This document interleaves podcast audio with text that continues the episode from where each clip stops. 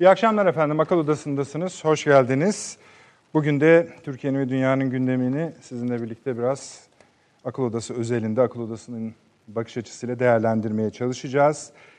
Ee, bir birinde efendim, ayın birinde Temmuz'da İsrail'in işgali altındaki Batı Şeria'yı ilhak planı devam ediyor İsrail'in. Birinci konumuz, daha doğrusu konularımızdan bir tanesi bu. Zamanı yaklaştığı için biraz daha detaylı bakmak istiyoruz. Birleşmiş Milletler buna itiraz ediyor. Onu da Genel Sekreterin söylemlerinden takip ediyoruz ama sonuçta Birleşmiş Milletler ya da Genel Sekreterliği ne derse desin e, dünyada birçok olay oluyor. Zaten Türkiye'nin eleştirdiği konulardan birisi de bu. Birleşmiş Milletler'in ya da uluslararası kurum kuruluşların çok da görevlerini yerine getirmediği, hele ki konu İsrail olduğu zaman ne kadar e, söylenseler de hayata geçenin farklı olduğu. Fakat buna ek şu söylenebilir, e, bu en az bana göre en azından Birleşmiş Milletler'in e, söylevlerinden, açıklamalarından sanki biraz daha kalın bir şeymiş gibi geldi. Avrupalı, Avrupa'da 25 ülkeden 1080 parlamenter, 25 Avrupa ülkesinden 1080 parlamenter bir açıklama yaptılar, imzalı bir açıklama yaptılar. Dediler ki İsrail'in bu ilhak e, arzusu, isteği, kararı uluslararası hukuka meydan okumaktır. Bütün liderlere, özellikle de Avrupa liderliklerine çağrı yapıyoruz. Bunun durdurulması gerekiyor. Eğer böyle bir durum olursa Orta Doğu'yu zaten biliyoruz. İnanılmaz bir istikrarsızlık ortaya çıkacaktır. Benzer paralel bir gönderme Birleşmiş Milletler Genel Sekreterliği tarafından da yapılmış idi. O da şöyle diyordu, daha iyi bir cümle bu ve gerçeği yansıtıyor. Orta Doğu'nun doğası değişir demişti. Orta Doğu'nun doğası kolay kolay değişmez ama zaten e, istikrarsızlık hakim olduğu için böyle bir durum işi iyice içinden çıkılmaz ve tehlikeli bir hale getirir. Biraz buna bakacağız. Zaten hmm, Akdeniz'le birlikte Orta Doğu bambaşka bir yere evriliyor sürekli olarak. Körfez ayrı bir yerde, İran ayrı bir yerde, Irak, Suriye, Akdeniz, Doğu Akdeniz apayrı yerlerde. Bunların birleşmesi bambaşka bir kaos yaratır, açıktır. Efendim tabii ki Libya var, tabii ki Akdeniz var, tabii ki Mısır var. Onlara bağlı bütün konular var. Ee, Avrupa bir Arap Birliği toplandı efendim. 14 tane madde kaleme aldılar. Biliyorsunuz bunu Mısır davet etmişti.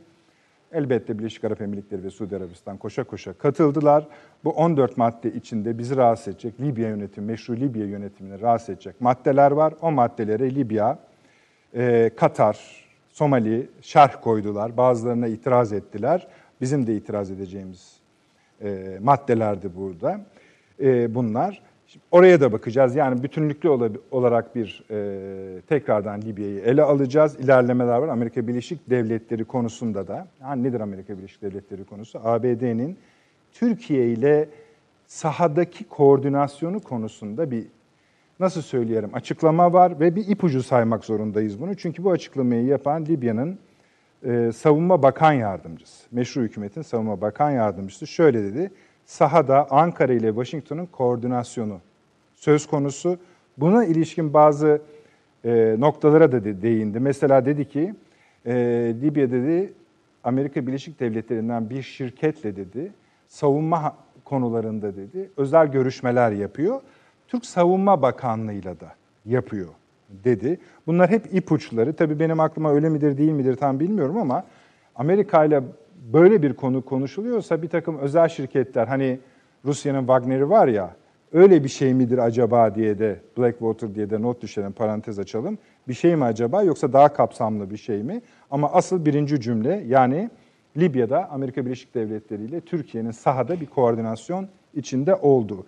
Buna ilişkin çok fazla tartışma var. Bunları da göz atacağız. Libya konusunda bir başka tartışma. Eğer fırsatımız kalırsa biraz işin tarihi boyutuyla da ilgili Cezayir ve Mısır'da bir muhalif nüve var efendim Batı'ya karşı. Bunun Libya'daki süreç ilerlediği zaman nereye evrilebileceğini de tartışacağız. İtalya Dışişleri Bakanı bu sırada Libya'da o başbakanla, Libya Başbakanı ile, İçişleri Bakanı ile, Savunma Bakanı ile görüşüyor. 6 ayda üçüncü görüşmedir. İtalya yerini tam olarak belli etmiş bulunuyor.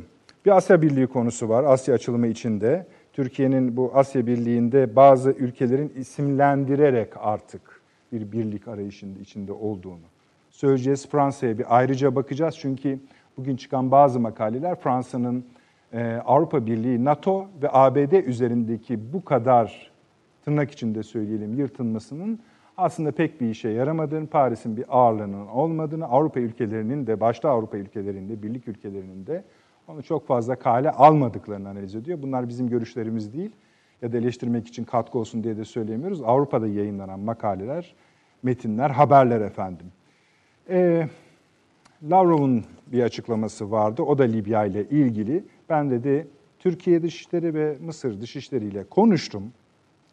Bir diyalog yolu arıyoruz. Cümlenin gelişine bakarsanız sanki Türkiye ile Mısır arasında bir diyalog yolu arıyormuş gibi ama Libya'da sanki e, oyuncular arasında, aktörler arasında bir diyalog yolu arıyormuş gibi gözüküyor. Bu Rusya meselesinin de değerlendireceğiz. Alt alta bir seri ufak başlığımız var. Yani daha az yer ayıracağımız ama kendileri ufak değil, önemli konular. Mesela bir 75. yıl meselesi var. İkinci Dünya Savaşı'ndan sonra Rusya'da da kutlandı bu zafer.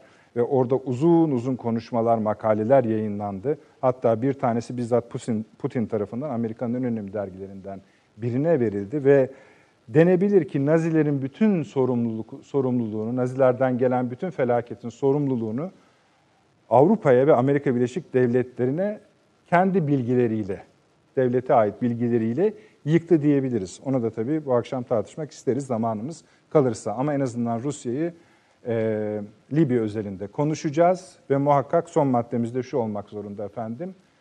E, Irak ve Suriye ve oradaki harekatlar. Profesör Doktor Süleyman Seyfi Ün hocam burada. Hocam hoş geldiniz, şeref verdiniz. Nasılsınız? Sağ olun, sağ olun. İyiniz. Sevgili Abdullah Ağar bu akşam bizimle birlikte. Hem bu konularda bize e, katkı verecek. Hoş geldin Abdullah. Hem de Teşekkür ederim. yeni kitabını efendim. Dün mü? Bugün mü? Bugün çıktı. Bugün çıktı. İşte hani kokusu üzerinde derler. Şimdi şöyle baştan biraz göstereyim de üzerine zaten sonra konuşacağız. Bugün bahsettiğimiz konular var efendim içinde. Ee, onlardan da parçalar bizimle paylaşacaktır diye sevgili Abdullah. Yine biraz sonra tekrar bu kitaba da döneceğiz. Tahmin ediyoruz. Ankara'da Profesör Doktor Taşansı Türker hocam var. Hocam beni duyuyor musunuz ve Ankara'ya hoş geldiniz diyeyim peşin peşin. Hoş, hoş bulduk, duyuyorum Nedret Bey. Teşekkür ediyorum. Bu 75. yılla ilgili geliş şeyleri, kutlamaları, açıklamaları izleme fırsatınız oldu mu biraz?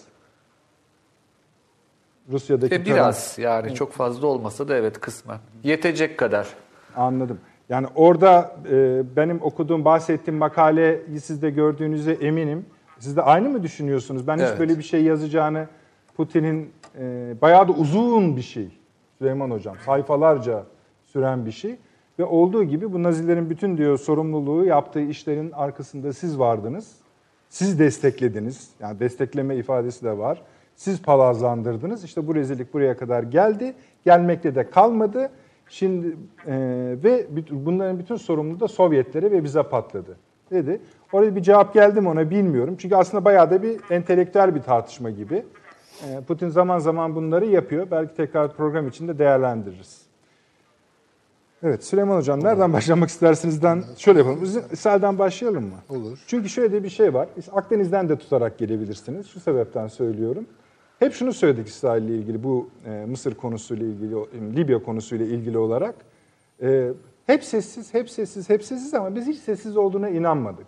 Gel gelelim sadece bir iki yazı, bir iki haber, hiç resmi açıklama olmadı. Koalisyon ortaklarından da olmadı. İlhak dışındaki konu hariç hemen hemen hiç kımıldamıyor İsrail. Tabii bu bir şey yapmadığı anlamına gelmiyor. İsterseniz Libya üzerinden giriş yapın, isterseniz bu ilhak meselesinden başlayalım. Yani şimdi bir kere ilhak e, meselesi bir oldu bitti meselesi. Bunu görelim. Dünyada ulus devletleri onların ihtiraslarını, ihtirası olanları kastediyorum tabii ki. Dizginleyecek bir uluslar, uluslararası mekanizma, uluslararası bir hukuk veya uluslararası bir hukuk yoksa bir kere bunu vakayı adiyeden görmemiz gerekiyor. Hele hele böyle krizli dönemlerde uluslararası hukukun güvenilirliğini kaybettiği, uluslararası kurumların güvenilirliğini kaybettiği bir dönemde buna kim hayır diyecek? Yani kim dur diyecek? Birleşmiş Milletler'den cılız bir ses çıkıyor, itiraz kabilinden. Avrupa Birliği e, oldukça istikrarlı bir şekilde, tonu çok yüksek, kuvvetli değil ama istikrarlı bir şekilde bunu, bunu red, tehdit ettiğine dair açıklamalarda bulunuyor. Ee, ama Amerika Birleşik Devletleri destekliyor. Rusya'dan tıs çıkmıyor. Yani Rusya'dan da böyle bir itirazi şey gelmiyor. Yani kapanın elinde kalan bir dünyada yaşıyoruz. Böyle bir tuhaf bir dünya. E kapanın elinde kalan kapana yar olur mu? Bu da meçhul. Bu da meçhul. Yani çok açık ki böyle bir adım istikrar sağlamayacak. Asrın barışı diye filan yutturuyorlar, etiketliyorlar ama böyle bir şey söz konusu değil. Dolayısıyla bir tepki olacak. Buna itiraz olacak. Bir kere içeriden gelecek. Yani oradaki Filistinlilerin de herhalde aa ne güzel e, nasıl olsa barış oluyor sonunda deyip e, oradaki bütün tutunum dallarının kesilmesine göz yumacaklarını zannetmiyorum. Ama takatleri ne kadardır? Ne kadar bir güç getirebilirler? Onu bilemiyorum. Yani gerçekten artık ustura kıvamında reel politik, e, reel politik de değil, bu maht politik yani. Maht politik dediğimiz zora, cebre dayalı e, sonuç alma e, iradesi veya ne diyelim kararlılığı. İsrail bunu, Türkçe'de güzel bir terim var, kanırtıyor. Yani ucu açık bir şeye gidiyoruz. Yani bundan sonra ne olur? Bundan sonra orası karışır. İstikrar falan gelmez. Geçen hafta Amerika Birleşik Devletleri'nden de bu işi biraz erteleyin. Ama şimdi o şöyle yani mesela Amerika Birleşik Devletleri'nin İsrail siyasetlerini neye göre değerlendireceğiz?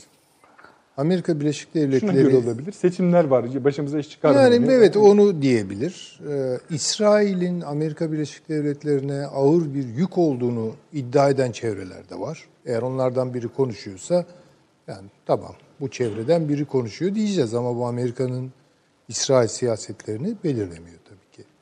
Yani dolayısıyla İsrail siyasetlerini şöyle veya böyle birinci kertede veya son kertede bir şekilde destekleyen bir Amerika Birleşik Devletleri dış politika geleneği var. Ee, Dolayısıyla oradan da bir perdeleme, bir engelleme gelmeyecektir. Yani fiili bir durum yaratıyor. Şimdi yaratılan fiili durumların üzerine ne söylenebilir? Evet bunun fiili durum olduğunu söylersiniz. Süreci tırmandırdığını söylersiniz. e, Barışı yokuşa sürdüğünü söylersiniz. Bundan sonra daha büyük çatışmaların olacağını söylersiniz. e, ve beklersiniz. Yani gelişmeleri beklersiniz. Yani şuna bir bakalım. Yani Libya ile biraz bağlantılı bunu söyleyeceğim. Türkiye'nin Libya'da varlık göstermesi, orada ayağına yer etmesi, bu hem Mağrip bölgesindeki yeni formasyonlara, yeni ittifaklara, belki istenmez ama muhtemel çatışmalara gidebilir. Ee, sahil bölgesi üzerinden daha orta kuşak Afrika'nın bu işe müdahalesi olacaktır. Sudan'ın daha fazla müdahalesi olabilir veya Çad'ın olabilir bilmiyorum onlara bakacağız. Ama Türkiye-Libya ittifakı bu şekilde sürerse ve Libya bir statü kazanabilirse, daha doğrusu bir statüko kazanabilirse bu Mısır'ı büyük ölçüde çözecek bir şey yani. Bu orta vadede, belki daha yakın vadede bilemiyorum. Mısır'ın e, oradaki Sisi rejiminin ayakta kalmasını imkansız hale getirecek olan bir gelişme olacak. Bunun üzerine biraz gidin hocam. Yani, şöyle olacak. e, Bir kere yani bütün çırpınması ne Sisi'nin bir kere güneyden bir darbe yiyor biliyorsunuz. Yani bu Tamam. baraj hikayesi var. Bu artık yani e, hayatın devam etmesi, Mısır'ın survive etmesi için Sunması için. bir şey. Yani asgari bir mesele, bir hayat memat meselesi. İkincisi en çok korktukları şey o kurdukları e, militer ekonominin artık ne kadar ekonomidir ama yani sonuçta bütün bir Mısır halkını açlığa mahkum eden, yoksulluğa mahkum eden işte e, askeri elitlerinde aşırı zenginlik biriktirmesine yol açan o sosyal uçurumlar Mısır'ı e, buradaki bütün toplumsal huzursuzlukların bir manada ideolojik arka planını da oluşturacak bir şeydir. Yani buna Müslüman kardeşler mi dersiniz ne dersiniz ama bu tehlikeyi Mısır açısından söylüyorum sınırına getirmek olur e, Mısır'ın. E, Mısır'ın göstereceği her türlü başarısızlık, e, fiyasko, atacağı adımları bilemiyoruz. Ama sonuçta Mısır'a olan güveni, Mısır'dan beklentileri de düşürecektir. Bu da Mısır'ın negatif hanesine yazılacak bir şey. Yani beceremeyen bir Mısır olacak burada.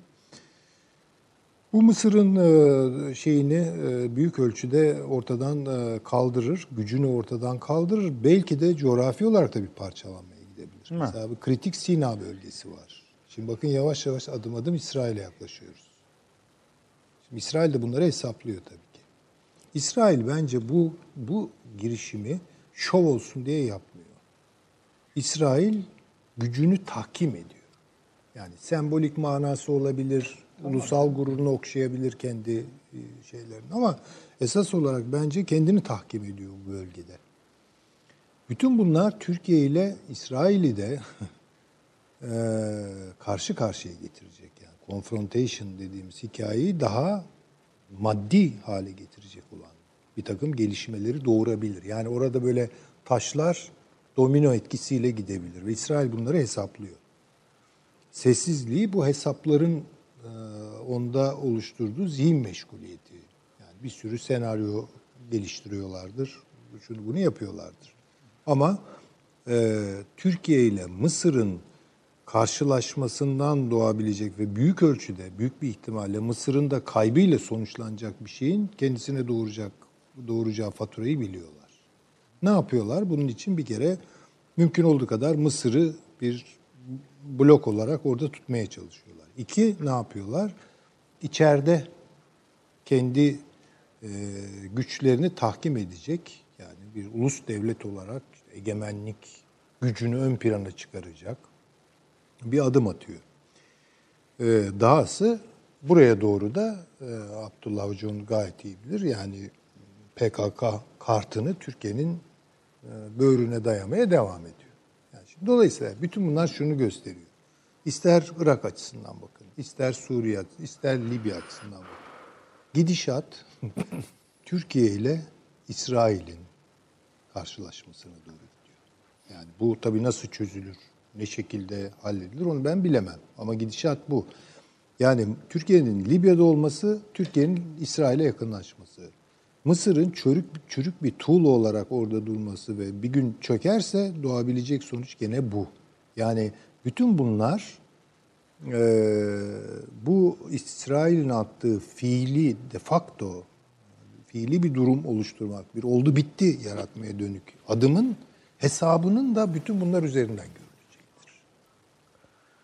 Yani bu açıkçası İsrail ve Türkiye yakınlaş yakınlaşması derken yani ne diyelim confrontation ne diyeyim nasıl söyleyelim Çarpışma ona çarpışma değil de yani e, rekabet. evet yani karşı karşıya gelmesi Yani. meselesidir. Şimdi tabii Böyle burada bir şey ikili var. bir sonuç var Mısır açısından yani sizin analizinize göre. Bunlardan birincisi Mısır iktidarının tehlikeye girmesi. Onlar açısından söylüyorum elbette. Evet zaten. Şimdi bu bir şey. Tamam. Bunun sonuçları apayrı olur. İsrail bunu ister mi istemez mi? Birleşik Arap Emirlikleri'ne etkisi ne olur? Suudi Arabistan'a etkisi ne olur? Onlar ayrı kalemler ama bizi ilgilendiren kalemler bunlar. Evet. Çünkü bunlar bugünlerde konuşuluyor. Herkes konuşuyor. Bilinmeyen bir şey Tabii. yok. Bu batı tarafına etkisi bir de doğu tarafına da etkisi var. O da ayrı kalemdir. Yani Kuzey Afrika, Mağrip tarafına etkisi var. Ama Mısır'ın çözülmesi meselesi, yani coğrafi çözülmesi meselesi bambaşka bir yere işi götürür. Ee, bu hani acaba mesela ben hep şöyle düşünmüşümdür. Bilmem siz doğru bulur musunuz? İsrail'i eğer e, bölgede bir şey yapıyorsa bu tür büyük iş yani büyük oyuncularla birlikte biraz da Türkiye'yi kendisine doğru iteklemek için de Çok doğru söylüyorsunuz. Yani İsrail'de de birçok fikir var. Mesela fikirlerden bir tanesi ya bırakalım Türkiye ile anlaşalım. Diyenler de var İsrail'de. Daha makul Ha, çevreler. devlet de onu diyor olabilir. Devlet Tabii yani belki reel politik bir e, fayda maliyet analizi üzerinden bunu söyleyenler de orada e, belli bir ağırlık oluşturuyor olabilirler. Ama şimdiye kadar izlediği siyaset tam bu değil. Libya meselesine bakın dahil olmak istemedi birinci derecede. Mısır'ı ileri sürdü, Yunanistan'ı ileri sürdü. İşte Fransa zaten bir şey veriyor oraya burnunu sokuyor falan. Böyle bir işte ha, bir anlaşmayı imzalamadı mesela değil mi? Anlaşma değil bir e, işte neyse Türkiye'yi eleştiren metne Bildirge. bildirgeye imza atmadı. Ama mesela İsrail basında yakın zamanlarda e, çıkan bazı yazılar ve Amerika'yı uyarıyor. Yani Türkiye'ye mukayyet ol. Yani Amerika'daki kendi çevreleri neyse lobiler üzerine Türkiye'nin bu burada e, büyümesi bölge için ciddi sorunlar doğurur tarzında. Yani Amerika'ya müdahale et. Nitekim hemen akabinde de işte bir şey geldi Amerika'dan bir ses gelmedi değil. Fakat oradaki bütün mesele Rusya müdahil oldu. Yani şöyle söyleyeyim ben size. Rusya oraya adımını atmasaydı, Libya adıma Türkiye'nin işi çok daha zor olurdu biliyor musunuz? Benim düşüncem.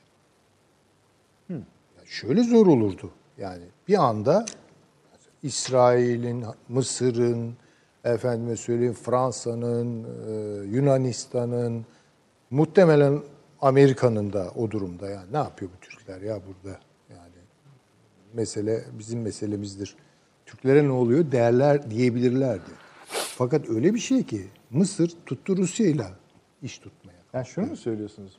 Yani Rusya'nın Mısır'daki varlığı biraz daha şeyin Türkiye'nin e, Libya'daki Evet, bence varlığını öyle. pekiştiren Tabii bir pekiştir. şey. Yani Bu Rusya'nın politik sorun- olarak Jeopolitik bir katmana sıçradı. Evet evet işte yani Tamam. bu bu birden NATO girdi devreye falan yani. Ne oluyor bu Ruslar tabii. işte. Afrikom girdi. O, hata Sen- Rusların hatası. Yani Afrik yani Ama bizim işimize yaradı. Tabii, ben de tabii onu canım. söyleyeyim. Dolaylı Tabii, olarak yani halbuki başka biz türlü o zaman bakılıyor. hatta da açıktan davet de ediyorduk Amerika'yı. Yani gelin gelin diye ama o sonra birleşti biliyorsun. Tabii yani işte Rusya girdi oraya. Amerika bu sefer ne oluyor orada demeye başladı. E biz de dedik ki işte yani onlar bizim karşımızda. Mısır dediğinizde onunla iş tutuyor. Fransa dediğinizde onunla iş tutuyor falan deyince yani birden şeyler değişti. Algılar değişti. Onu söylemeye çalışıyorum. İsrail'in sessizliğiyle ilgili son şeyi de söyleyeyim ondan sonra bırakayım. Ee, İsrail'in sessizliğini ben hiç hayra yormam. Yani Kimse yormuyor da. Yok yok hiç ayrı yormam. Çok güzel bir büyük planı götürüyorlar. Bunu kabul etmemiz lazım ve tebrik etmemiz lazım yani. Akıl açısından tebrik etmemiz lazım. Daesh gibi bir şeyi oraya sok. Bütün Müslüman kütleleri birbirine kırdır. Değil mi yani? Oh, yani kendisini tehdit edecek bir şey neredeyse yok gibi. Yani en konuşan İran'dı. E, İran'da yani, evet yani o da bir şey yapamıyor oralarda. Yani dolayısıyla bunu iyi götürüyor. Yani belli bir rahatlık içerisinde yapıyor. Bu oldu bitti durumu da biraz onun rahatlığıyla e, harekete geçiriyor. Şuna bağlayalım. Teşekkür ederim. Fakat e, hani 7 gün sonuç olarak 6,5 gün hatta bugün de saymazsak. Bunlar bunu yapacak mı? E yapacaklar Tamam. öyle gözüküyor. Ve yani Ne yapmıyorlarsa e, buna tabii sevinmek diyorsun. lazım ama sevinirken de yapabilecekleri çok daha ağır bir şey nedir diye de sormak gerekiyor yani. Çok daha ağır bir şey. Ya biz bunu erteledik diyorlarsa bir sonraki roundda ne yapacaklarına dair düşünmemiz lazım. Kolay değil. Bunu bu hale getirecekler. Yani bu iç siyasetlerinde bir takım denklem değişikliklerine yol açabilir vesaire bunları ben konuşmuyorum. Ama bunu hayata göstere göstere geçirecekler ve dünya kamuoylarından da hiçbir şekilde ses çıkmayacak. bu kadar işte bizim okuduğumuz notlar kadar. O kadar olacak. Buna en fazla gene tepkiyi koyacak olan Türkiye'dir. Başka da bir bu işin, bu davanın sahibi kalmadı yani. Fransızlar gazetesinin yap- haberine geliyor. Bir tek bölgede namuslu davranan ülke var. E, yani da bunu söylüyorsa da namuslu bir gazeteymiş bu. Miş yani. O eski Yani- de bir şeymiş. Ben onu mesela bilmiyordum doğrusunu bilmiyordum, söyleyeyim. Bayağı da doğrusu. eski bir şeymiş. Hatta bugün sosyal medyada da hali tartışıldı o konu. Bu ne de gazetesidir falan filan diye. Böyle hani güçlü, eski, tarihi olan ve özellikle de özel haberlere odaklanan, buradan parçalar çıkaran işte yani sonra böyle bir yorum yapıyor mesela. Fransa dahil hepsi yani Tabii Fransa'yı karakterize etmiyor tabii bu haber. etmiyor Yani tabii o- etmiyor. Ama yani sıradan bir işte değil. Değil yani. Yani da arkasında bir şey azından- aramamıza gerek yok ama böyle bir şey yani yeri gelince yine konuşuruz. Peki zikzak çizerek gidelim. Hemen geleceğim. Taşansı hocam duyuyorsunuz ben hep kontrol ederek gidiyorum da onun için. Duyuyorsunuz beni değil mi? Merhabalar Nedret Bey Tamam, yeniden. tamam. Duyuyorum sizi duyuyorum. Aynı konudayız efendim, ilhak meselesi.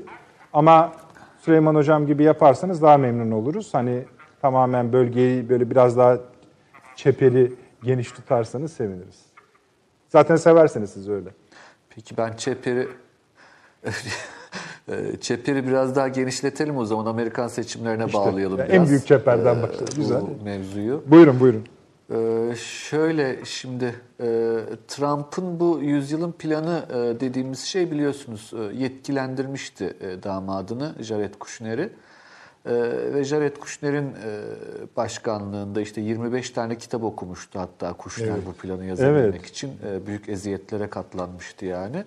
E, ve bu ya, okuduğu 25 kitaptan sonra da çok büyük bir plan ortaya koydu. Şimdi bu planda e, bir tane temel ilke vardı hatırlayacaksınız. Trump da bunun altını özellikle çizmişti Netanyahu'nun yanında yaptıkları açıklamada da o da şuydu. Bu plan bir kere hem Filistinlilere hem İsraillilere sunulacak. Her iki tarafta onaylarsa tüm şartlarıyla beraber yani en ufak bir şerh olmadan iki taraf tarafınca da uygulanacak. Yani bir şartı kabul edilir, bir şartı edilmez, bir taraf eder, bir taraf etmez diye bir şey söz konusu değil. Yani gayet total bir plandan bahsedilmişti. Ee, Bunlar e, takribi bir yıl önce olan olaylar. O dönemde Evet. yine sizin programınızda şunu söylemiştim ben de.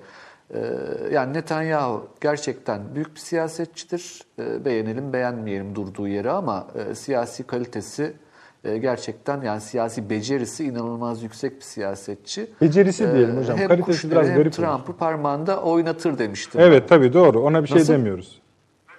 Devam edin. Evet. Ee, Yani hem Kushner'i hem Trump'ı e, parmağında oynatır. Ee, Filistinlilerin lehine olacak tüm unsurlar ortadan kaldırılır. Ee, İsrail'in lehine olacak tüm unsurlar bir şekilde uygulamaya alınır. Ee, Ve hem Kushner hem Trump neye uğradıklarını şaşırırlar demiştik. Şimdi birincisi bu. Bunu bir akıllarda tutalım. İkincisi efendim şöyle bir şey. Amerika tarafından gelen seslerde de e, seçimin hemen öncesinde e, bu tarz bir karışıklığın Trump'ın işine gelmeyeceği, Trump'ın seçim öncesinde sadece bu planın ortalıkta dolanmasına izin vermek istediği. Çünkü e, oradaki Yahudi nüfustan oy alma imkanı sağlayacaktır. Aynı zamanda evanjelik nüfustan da oy alma imkanı sağlayacaktır. Ama plan uygulanmaya kalkacak olursa ciddi sıkıntılar yaşanacağı için Trump yönetiminin bu planın uygulanmasını istemediğini de biliyoruz. Bunu çeşitli kanallarla da e, İsrail tarafına da açıkladılar. İkinci aklımızda tutmamız gereken husus budur. Üçüncüsü e, İsrail'in iç siyaseti.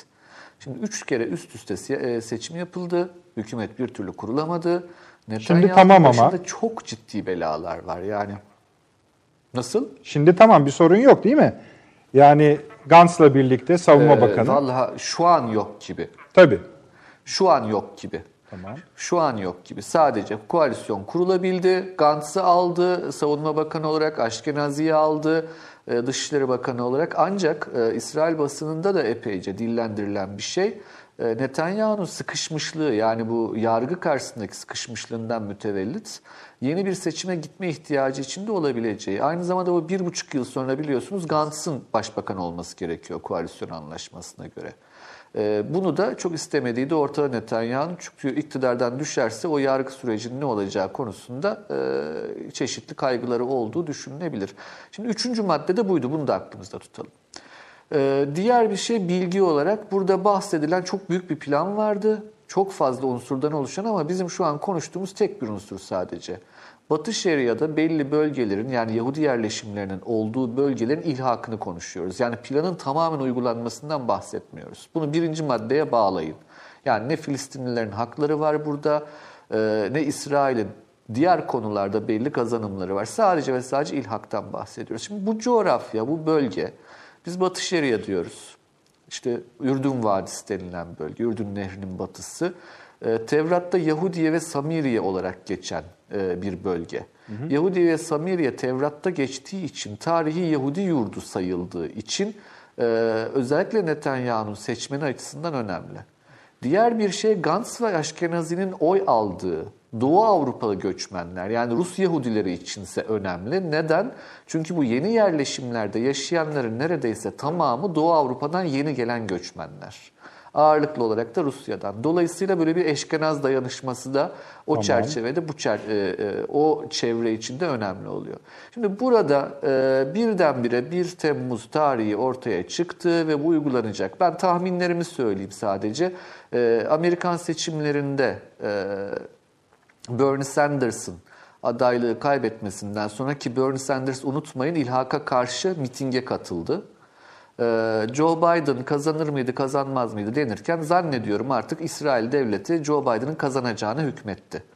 Ve Joe Biden'ın kazandığı bir durumda da böyle bir ilhakın olmayacağını düşündüğü için o devlet aklı bir şekilde Süleyman Hoca'nın stüdyoda biraz önce çok güzel belirttiği gibi tutan tuttuğumuz elimizde kalır. Biz bu işi şimdiden yapalım.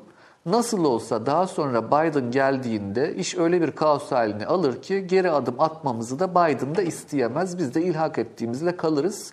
Ancak bunun yaratacağı hasarı da kontrol edebiliriz gibi bir noktaya vardığını düşünüyorum. Ayrıca bir B planı olarak da o aklın yine e, şunu e, hasarı kontrol ederken imkan, şu imkanı elinde tuttuğunu aklımızda unut, e, tutalım. O da neydi? Biraz önce söylediğimiz koalisyon. Yani gerekirse Netanyahu gider, Gantz gelir, Biden yönetimiyle iyi anlaşabilecek bir insan, başbakan olarak zaten ve bu sorun bir şekilde çözülür. Yani devletlerin bu tarz hesap kitap yaparken hani ileri bir adım atarken oluşabilecek hasarı kontrol edecek eğer ara- içleri, e, ellerinde belli imkanlar varsa bunu kullanmaktan kaçınmadıklarını son dönemde epeyce gördük.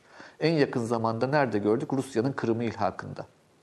Yani Rusya devleti de bir şekilde Trump'ın seçileceğini öngördü ve Kırım'ın ilhakıyla beraber gelecek olan yaptırımların nasıl aşılacağı konusunda elinde çeşitli imkanları olduğunun hesabını yaptı ve bu adımı attı. Yani normalde e, böyle bir adımın atılmayacağını beklerdik. Dolayısıyla ben İsrail'in bu adımı atmaktan kaçınmayacağını, e, Biden seçildikten sonra da Gantz e, ile devam edip şey, bu oluşabilecek küçük oranda hasarı kontrol edebileceğini düşünüyorum. Kontrol edebileceğini hesapladığını düşünüyorum.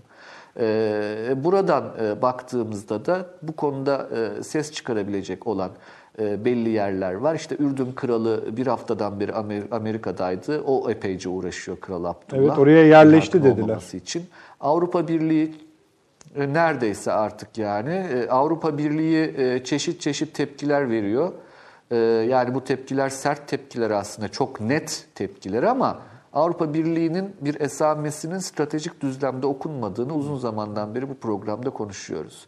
İsrail bunu göze alabilir çünkü e, bunu birkaç kere daha önce de yaptı. Avrupa'ya rağmen pek çok işi yapmayı becerdi. BM'nin etkisine gelince efendim e, BM'nin etkisi vesaire yok o ortada. E, Ancak geçen hafta da söyledik Sayın Bozkır'ın, Büyükelçi Bozkır'ın epeyce omzunda bir yük Evet. olacak gibi görünüyor. Çünkü bu iş genel kurula gider.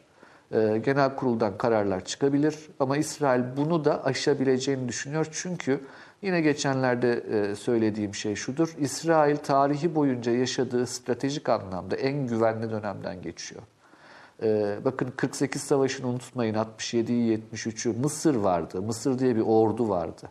Öyle ya da böyle. O ciddi bir orduydu. Ee, ne bileyim Suriye diye bir devlet vardı. Ya Ürdün süvarileri dediğimiz şey 48 Savaşı'nda destan yazdılar. Öyle böyle bir şey değil. Ee, bunlar vardı. Irak vardı. Irak vardı. Ve bakın şu an bunların hiçbiri yok. Yani dolayısıyla İsrail kendi bölgesinde güvenliği açısından e, her zaman kendi meşruiyetini ortaya koymak için söylediği şey oydu. Biz daracık bir e, şeritten oluşuyoruz. Yani birisi bir füze attığı zaman benim başkentimi vuruyor, kendimi korumam gerek cümlesi e, önemli bir meşruiyet kaynağıydı İsrail açısından. E, Bunun bugün bugüne baktığımızda ne kadar gerçekçi olduğu epeyce tartışmalıdır. Çünkü bütün etrafı şu an e, aslında muğlaklaşmış gri bir alandan oluşuyor. Yani o bizim bildiğimiz egemen devlet kavramı yok. Başka bir husus tabii çok önemlidir. Arap milliyetçiliği gibi bir kavramı yerle bir etti İsrail. Yani Arap milliyetçiliği dediğimiz şey işte sokakta olabilir efendim ruh halidir vesairedir ama hiçbir sokakta olan milliyetçilik benim için makbul değildir şu anlamda. Siyasi özne değildir çünkü. Milliyetçilik devletle taçlandığı zaman bir özne halini alır. Arap milliyetçiliğini taşıyacak bir devlet bugün yok. Ve bu İsrail eliyle gerçekleştirilen 1970'li yıllardan beri gerçekleştirilen bir süreçtir. E, dolayısıyla e, bugün açısından İsrail'in bunu yapmasının önünde engel olarak hiçbir şey yok gibi görünüyor. E, velhasılı kelam Biden'ın da hocam. zannediyorum e, bunu Gantz'la beraber çözeceklerdir herhalde. Taşansı hocam. Buyurunuz. Şimdi yani mesele esasında biraz şuraya geliyor. Ulus yani maşallah hiçbirimiz ağzımıza uluslararası hukuk lafını almıyoruz. Ne almamamız da çok haklı. Yok öyle bir şey. Kalmadı yani. Orta Doğu'da hiç yok. Hiç kalmadı. Ama bir de şöyle bir durum var. Orta Doğu'ya ilişkin batı kaynaklı e, kaygılar da ortadan kalktığı için artık bu geldi İsrail'in sizin bahis ettiğiniz Arap Yarımadası'nın tamamında ne kadar güç varsa ya bunları seyreltti ya kendisine yakın kıldı ya da yok etti. İş bir noktada. Onun için adamın fazla kımıldamasına da gerek kalmadı. Ama geliyoruz geliyoruz e, bu ayın birinde, önümüzdeki ayın birinde bunun buna yapacağına ilişkin kanaat var. Artık tamamdır. Yani uluslararası hukuka aykırı, Birleşmiş Milletler kararlarına aykırı, bölgenin ana aktörlerinin itirazlarına dayalı, süper güçlerin itirazlarına da day- aykırı olmasına rağmen. E ne diyelim yani şimdi İsrail'e? Bu yani inanılmaz bir şey. Herhalde bunun Birleşik Arap Emirlikleri, Suudi Arabistan, sair ülkelere, Mısır dahil bir faturası, faturası olmak lazımdır. Tamam bu ülkelerin yöneticileri var ama e bir de halkları yok mu bu ülkelerin yani? Yani bu kadar ucuz mu bu iş? Soruydu hocam bu. Bir soru muydu? Peki cevabını vereyim de sadece gülüm sadece gülümsesem cevap olmaz mı acaba? Yani olmaz çünkü yani onu şunu duymak istiyoruz. Burada da milyonlarca insan Nasıl güldüğüne bakmak lazım. Lazım, acı tabii. acı gülüyorsa cevaptır yani. yani işte hani tam soru olmadığını ben de farkındayım. Vereyim ben kı- kı- kısa kısacık bir cevap Buyurun, vereyim buyurun, o zaman. Ee, Abdullah Bey'i de fazla bekletmemek adına çok kısacık bir cevap vereyim. Efendim biraz önce de söyledim bakın e, devlet kavramı yani toplumların örgütlülüğünün en üst hali devlettir. E, ideolojilerin hareket hali kazanabilmesi, eylemsel eylemselleşebilmesi devlet eliyle olur. Şimdi e, bu hani e, Arap milliyetçiliği dediğimiz şey öyle ya da böyle bir döneme damgasını vurdu. Uluslararası sistemde bağlantısızlar hareketi olarak, e, bölge siyasetinde işte nasırcılık, bağızçılık olarak, toplumsal anlamda bir şekilde sendikasına varana kadar Arap toplumsal hareketlerinde önemli şeyler olmuştur. Entelijansiya da inanılmaz şeyler oldu ama bakın sorun buradadır. Yani e, İsrail bunu çok doğru tespit etti.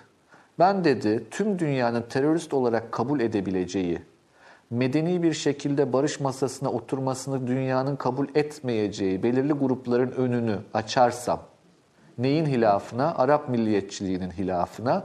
O zaman dedi ben bunları etkisizleştiririm. Yani El Fetih mi Hamas mı sorusu o yani insanların meşrebidir. Belki herkesin ideolojik tercihidir karışmam ama El Fetih'in yaptığı etki ya da Suriye Arap Devleti'nin ya da Mısır Arap Devleti'nin yaptığı etki bambaşka bir şeydir. Ee, milliyetçilik o yüzden diyorum eliti olmayan, örgütlü devlet yapısı olmayan milliyetçilik hiçbir işe yaramaz. Ne yazık ki böyle. O yüzden hani e, pek pek çok kez konuşma fırsatı da bulduk programlarınızda. Türkiye Cumhuriyeti Devleti'ni kuranlara hep ben ne diyorum farkındasınızdır. Milliyetçi elitler. Bu, bu bakın önemlidir. Yani o yüzden e, o elitler re saygı ve o çizgilere saygı önemli. E, çünkü güç odağı olabilmek öyle bir şeydir. Devlet olabilmek öyle bir şeydir. Ben hiç kimse kusura bakmasın Mısırlı dostlarımdan da özür dilerim ama e, Mısır devletinin ne kadar bugün devlet kapasitesine sahip olduğu tartışmalıdır. E, çünkü kapasite dediğiniz sadece silahlı güç, 3 tane tank, 2 tane uçak demek değildir belirli bir şekilde orta sınıf yaratabilmek, eğitim kurumlarını düzenleyebilmek, özgür basın, demokrasi, bütün bunlar milli gücün unsurlarıdır. E bunların olmadığı bir yerde işte ne yazık ki böyle e, sınırınızda e, olana bitene seyirci kalırsınız. Gönlünüz bambaşka şeyler söyler ama aklınız e, öyle yapma boş versen Peki otur, hocam. oturduğun yere der. E, o, o durumlara düştüğü için de çok üzgünüm yani bütün Arap Ben, toplumları. biz de üzgünüz ve bunun e, muhtemelen Ürdün'e etkileri olacak, Lübnan'a etkileri olacak. Adam dün Tabii. saatler boyunca Suriye'yi bombaladı. Bir tane yani e, neyse yani bu konu uzun bir konu. Şunu da diyemiyoruz. Salı günü biraz bahsetmiştik. Üzerinde çok durmadık Süleyman Hocam ama. Hani e, bu ülkelerin yani mesela Mısır'ın tarihten gelen bir tecrübesi var. Başına gelenler var. Yani İngilizleri hatırlıyoruz biz Mısır'daki durumlarını. Çünkü Orta Doğu Orta Doğu meselesi denilen şey öyle başlamıştır. Ama ondan önce yine Fransızlar işgal etmiştir. Hiç mi ders çıkarmadınız diyoruz. Tam tersi olmuş. Aynısı Libya'da da geçerli. Tunus'ta da geçerli. Orada bir takım menfaat odakları yine onlara çalışıyor. Batı'ya çalışıyor. Bunlar gerçek Süleyman Hocam. Yani bunları söyle söylediğimiz zaman kimse alınmasın, üzülmesin. Böyle mesele. Bizim içimizde de var. Öyleydi. Batı'ya çalışıyorlardı. Onlar da daha uzun süreli olduğu için, daha derin olduğu için bunların sonuçlarını şimdi oranın insanları ödüyor. Bakalım nasıl olacak? Kimse de itiraz etmeyecek mi? Sevgili Abdullah. Yani geniş alan zaten hani özel bir soru bekleme lütfen. Yani ister İsrail'den tut, ister Libya'dan Şimdi, tut. e, tabii Askeri boyutunu da İsrail'den başladık. anlatabilirsin. Ee, tabii. tabii e, ortada son derece e, acı bir durum var. E, domine etmesi gereken e, güçlerin veya ülkelerin hiçbirisinin e, bu işi yapamayacağı üzerinden e, ne yazık ki acı bir e, program yapıyoruz. E, sonuçta mesele e, belli ki e, domine edilen ülkeler üzerinden olmayacak. Yani baktığımız zaman ister Selefi olsun, ister Sünni olsun, ister Şii olsun hepsi bir şekilde İsrail tarafından teker teker domine edildi. E, teker teker devreden çıkartıldı. Şimdi buna karşı e, bir karşı koyma refleksi olan e, bir Türkiye var. Ama bir şekilde e, Türkiye'nin de çeşitli şekillerde baskı altına almaya çalışıldığı e, bilinen bir gerçek. Şimdi buradaki mesele nereye gelmiş, dayanmış durumda? Bence e, tem- temelde hazmetme meselesine gelmiş, dayanmış durumda. Çünkü İsrail'in temel e, konuyla ilgili siyaset ve stratejisi kendi kabiliyet ve kapasitesiyle ilgili. Yani adım adım gidiyor. Yani farkında, ne kadar riskli adımlar attığını farkında. Her adım atarken öncelikli olarak oluşabilecek e, riskleri ve tehditleri son derece güçlü bir şekilde analiz ediyor. Onları nötralize ediyor, adımını atıyor, hazmediyor ve devam ediyor. Şimdi bu noktada işe engel olabilecek kim var? Bana sorarsanız bir tek Amerika Birleşik Devletleri var. Bir diğer tarafıyla Amerika Birleşik Devletleri Çin arasındaki rekabet İsrail üzerinden nasıl şekillenecek ve Amerika Birleşik Devletleri buna nasıl refleks ortaya koyacak? Şimdi şunu anlatmaya çalışıyorum. Ee, Pompeo bu pandemi krizi sırasında ilk ziyaretini İsrail'e yaptı.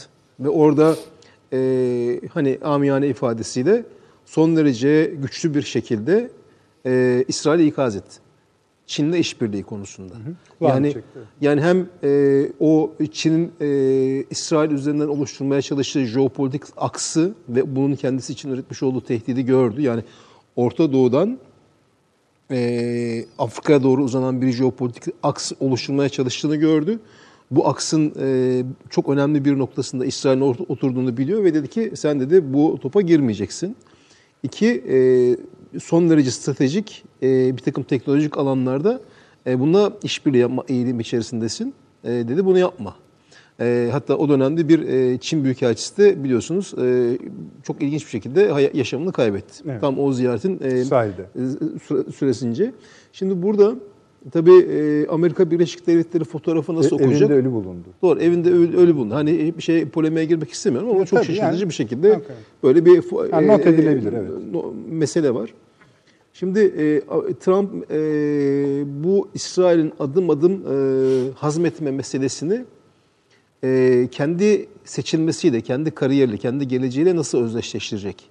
E, bu anlamda İsrail'in önünde durabilecek tek ülke Amerika Birleşik Devletleri diye düşünüyorum. Yani Trump meseleye şu gözle bakabilir. Benim seçilmemin bir karşılığı olarak e, ben buna e, destek veririm diyebilir. Yani beni seçtirin, seçimden sonra ben bu işe onay vereyim veya destek destek vereyim veya şu cümleyi kurabilir. E, seçilmem için bunu ben seçimden önce size veriyorum. Sağlıyorum. Bu avantajı sağlıyorum. Şimdi bunu işte sizin dediğiniz tarihte göreceğiz. Yani Trump'ın nasıl bir e, strateji benimsemiş olduğunu bu e, seçim şeyle beraber e, 1 Temmuz itibariyle kendisini gösterecek. Yani bu işin içerisindeki temel e, aktör, temel belirleyici e, Amerika Birleşik Devletleri, Trump. Trump'ın siyasi ikbali yani bunun üzerinden şekillenecek. Ama bu tabii tamamıyla e, günceyle ilgili olan bir şey. Yani şimdi mi yoksa seçimden sonra mı? Ama bir gerçek var. Yani e, İsrail adım be adım e, istediği menfaatlerine ulaşma eğilimi içerisinde Orta Doğu coğrafyasında buna karşı durabilecek veya bunu engelleyebilecek, bunu domine edebilecek e, herhangi bir irade gözükmüyor. E, bir e, uluslararası kurumların, işte Birleşmiş Milletler başta olmak üzere veya diğer e, küresel aktörlerin bunu e, engellemekle ilgili bir kabiliyet ve kapasitesinin olmadığı gözüküyor. Şimdi e, İsrail iç istikrarsızlığı veya işte e, Lübnan'dan veya Filistin'den herhangi bir yerden gelebilecek bir tepkiyi de süspanse edebileceğini, göğüsleyebileceğini çok net olarak görüyor. Yani zaten bununla ilgili e, par- parametreleri, tedbirleri zamanında aldı. Bunu gördük yani. Yani şu an ne Suudi Arabistan'dan, ne Mısır'dan, ne Ürdün'den yani konuya primer, birinci derecede müdahil olabilecek hiçbir ülkeden konuyla ilgili bir e, şey yok, direnç yok. Bir tek direnç var Türkiye'den. E, Türkiye bunu zaten net olarak ifade ediyor. Şimdi burada e, İsrail Türkiye'yi ne kadar e, göze alır? Bu önemli bir konu. E, çünkü e, Türkiye e, şöyle bir şey, son dönemde çok farklı bir fotoğraf gelişti. Ben bunun önemli olacağını, önemli olabileceğini düşünüyorum. Yani e, şimdi Türkiye 35 yıldır PKK'ya hapsedilmiş bir ülkeydi. Ufku oydu Türkiye'nin. Yani Türkiye PKK'dan çıkamayan bir ülkeydi. Ama son dönemde Türkiye 2500 kilometrelik bir aks üzerinde ve İsrail son derece etkileyen bir aks üzerinde e, jeopolitik bir etki üretmeye başladı. Ya bu bu konuşulabilir ama e, hani e, son derece önemlidir. Olmayan bir şey yapmaya başladı. Bunun seviyesi e, zaman içerisinde yükselecek. Bu tamamen Türkiye'nin mukavemetine bağlı. Yani birileri Türkiye'yi bu konuda yıldırmaya çalıştığını, önünü kesmeye çalıştığını, içeriden son derece güçlü bir takım dirençlere karşı karşıya kalındığını görüyor olmamız gerekiyor. Çünkü bu jeopolitik aksta Türkiye'nin ortaya koymuş olduğu faaliyetler dünya jeopolitiğiyle ilgili e, bir, bir, bir fotoğraf bu. Şimdi bu doğal olarak İsrail'i son derece yakından ilgilendiriyor. İsrail şunu düşünebilir. Yani veya biz Türkiye olarak şunu düşündür, düşündürmek zorundayız. Hı hı. 2005 yıl 2000, e, 35 yıldır Türkiye'yi PKK'ya hapseden ülkelere Türkiye ben bunun bedelini eninde sonunda size ödeteceğim cümlesini kurar ve bunu hissettirirse pek çok e, Türkiye aleyhtarı fotoğrafın ben değişebileceğini düşünüyorum. Bu açıkçası Türkiye'ye çok bağlı. Yani bu coğrafyadaki, Orta Doğu coğrafyasındaki oluşa gelen olayların hepsi Türkiye'nin ortaya koyacağı performansı son derece bağlı. Yani şunu şunu demek istiyorum. Yani e, bir cüretkarlığın engellenmesinin yolu nedir? Gelecekte bunun bedelini bir şeylerin kendisine üreteceğinin ortaya koyacağı yıldırıcılıktır. Yani e, vazgeçmeye dair ortaya koyacağı e, düşüncedir hesaplamadır. Şimdi bunu şu an açıkçası ne Suudi Arabistan'da böyle bir refleks var, ne Mısır'da böyle bir refleks var, ne Ürdün'de böyle bir refleks var. Zaten İran'ın ve Suriye'nin hali ortada. İran'da zaten bölgeden... İran, zaten İran'ı şöyle tarif edebiliriz. Hatırlayacaksınız galiba eski istihbarat Mossad'ın eski başkanıydı. Çıktı dedi ki asıl sorun İran değil dedi. Asıl hı hı. sorun Türkiye dedi. Yani bir 6 ay falan oldu galiba. Do- doğru. Şimdi e, tabii siz şeyden bahsediyorsunuz. Yani Şii hilalinin İsrail ve Amerika Birleşik Devletleri tarafından nasıl kullanılmış olmasından bahsediyorsunuz veya e, o o çok büyük fotoğraftaki ağız dalaşının hiçbir zaman gerçek anlamda sonuç alıcı bir mücadeleye dönüşmemesinden bahsediyorsunuz. Bu, bu isterseniz konuşuruz. Yani konudan Tabii, sapmamak için. Hı hı. Şimdi şimdi burada ben hani PKK ile ilgili e, temel öngörüm artık şu. Şimdi hepimiz çok iyi biliyoruz ki bir terör örgütünü gözlerimizin içine baka baka e, bir özgürlük savaşçısı, bir demokrasi kahramanı yaptılar. Ve şimdi ona e, bir alan üretmenin derdindeler. Hatta bu alanı şu an birleştirmenin derdindeler. Bunun emarelerini görüyoruz. Yani Fransa ve Amerika Birleşik Devletleri marifetiyle bölgedeki yapılan denklemleri görüyoruz. Bugün işte bölgeden bazı karşı sesler yükselmeye başlamış olsa bile. Şimdi burada Türkiye e, YPG PKK'yı kendi menfaatleri doğrusunda kullananların, himaye edenlerin, koruyanların, kollayanların, yönetenlerin ve yönlendirenlerin bu yaptığının bedelini ödetebileceğine dair iradeyi ortaya koymak durumunda. Yani bunu yapamazsak, yani yaptıkları yanlarına kar kalırsa şunu diyecekler. Biz Türkiye'yi öyle veya böyle istediğimiz gibi yönlendirebiliyoruz. Harekatlar o değil mi? Yani şimdi burada demek istediğim şey şu. Bu harekatın karakteri daha bir başka. Yani o sonuçta sınır güvenliği ile ilgili operasyonel boyutları olan bir şey. Ama bu 2500 kilometrelik aksta yani Doğu Akdeniz'de, Katar'da, Somali'de, eee, Libya'da Bütünlüklü bir şeyden bu, hayır bu, bu akson derece önemli. Yani sonuçta hem Akdeniz'den bahsediyoruz hem Avrupa'nın güvenliğinden bahsediyoruz hem de e, Afrika'nın jeopolitiğinden bahsediyoruz. Yani Fransa'nın yiye yiye bitiremediği Afrika'dan bahsediyoruz. Yani e, buralarda Türkiye şimdi diyor ki hop diyor öyle öyle kolay yiyemezsin artık diyor.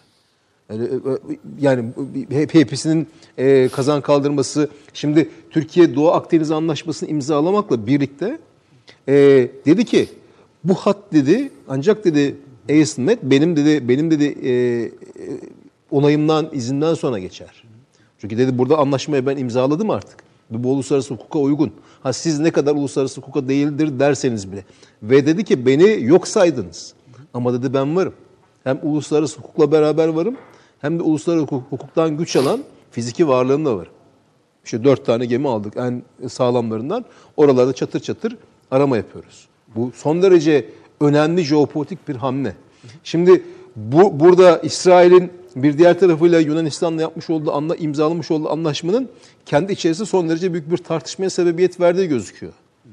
Çünkü 6000 kilometre karelik bir alanı kaybetti. E, Yani Türkiye ile anlaşma imzalamış olsaydı çok farklı yere gidecekti. Şimdi boru attı. E, Türkiye üzerinden mi gitmesi çok daha rentable yoksa Doğu Akdeniz'den işte Yunanistan'la anlaşma yaparak, Mısır'la anlaşma yaparak mı?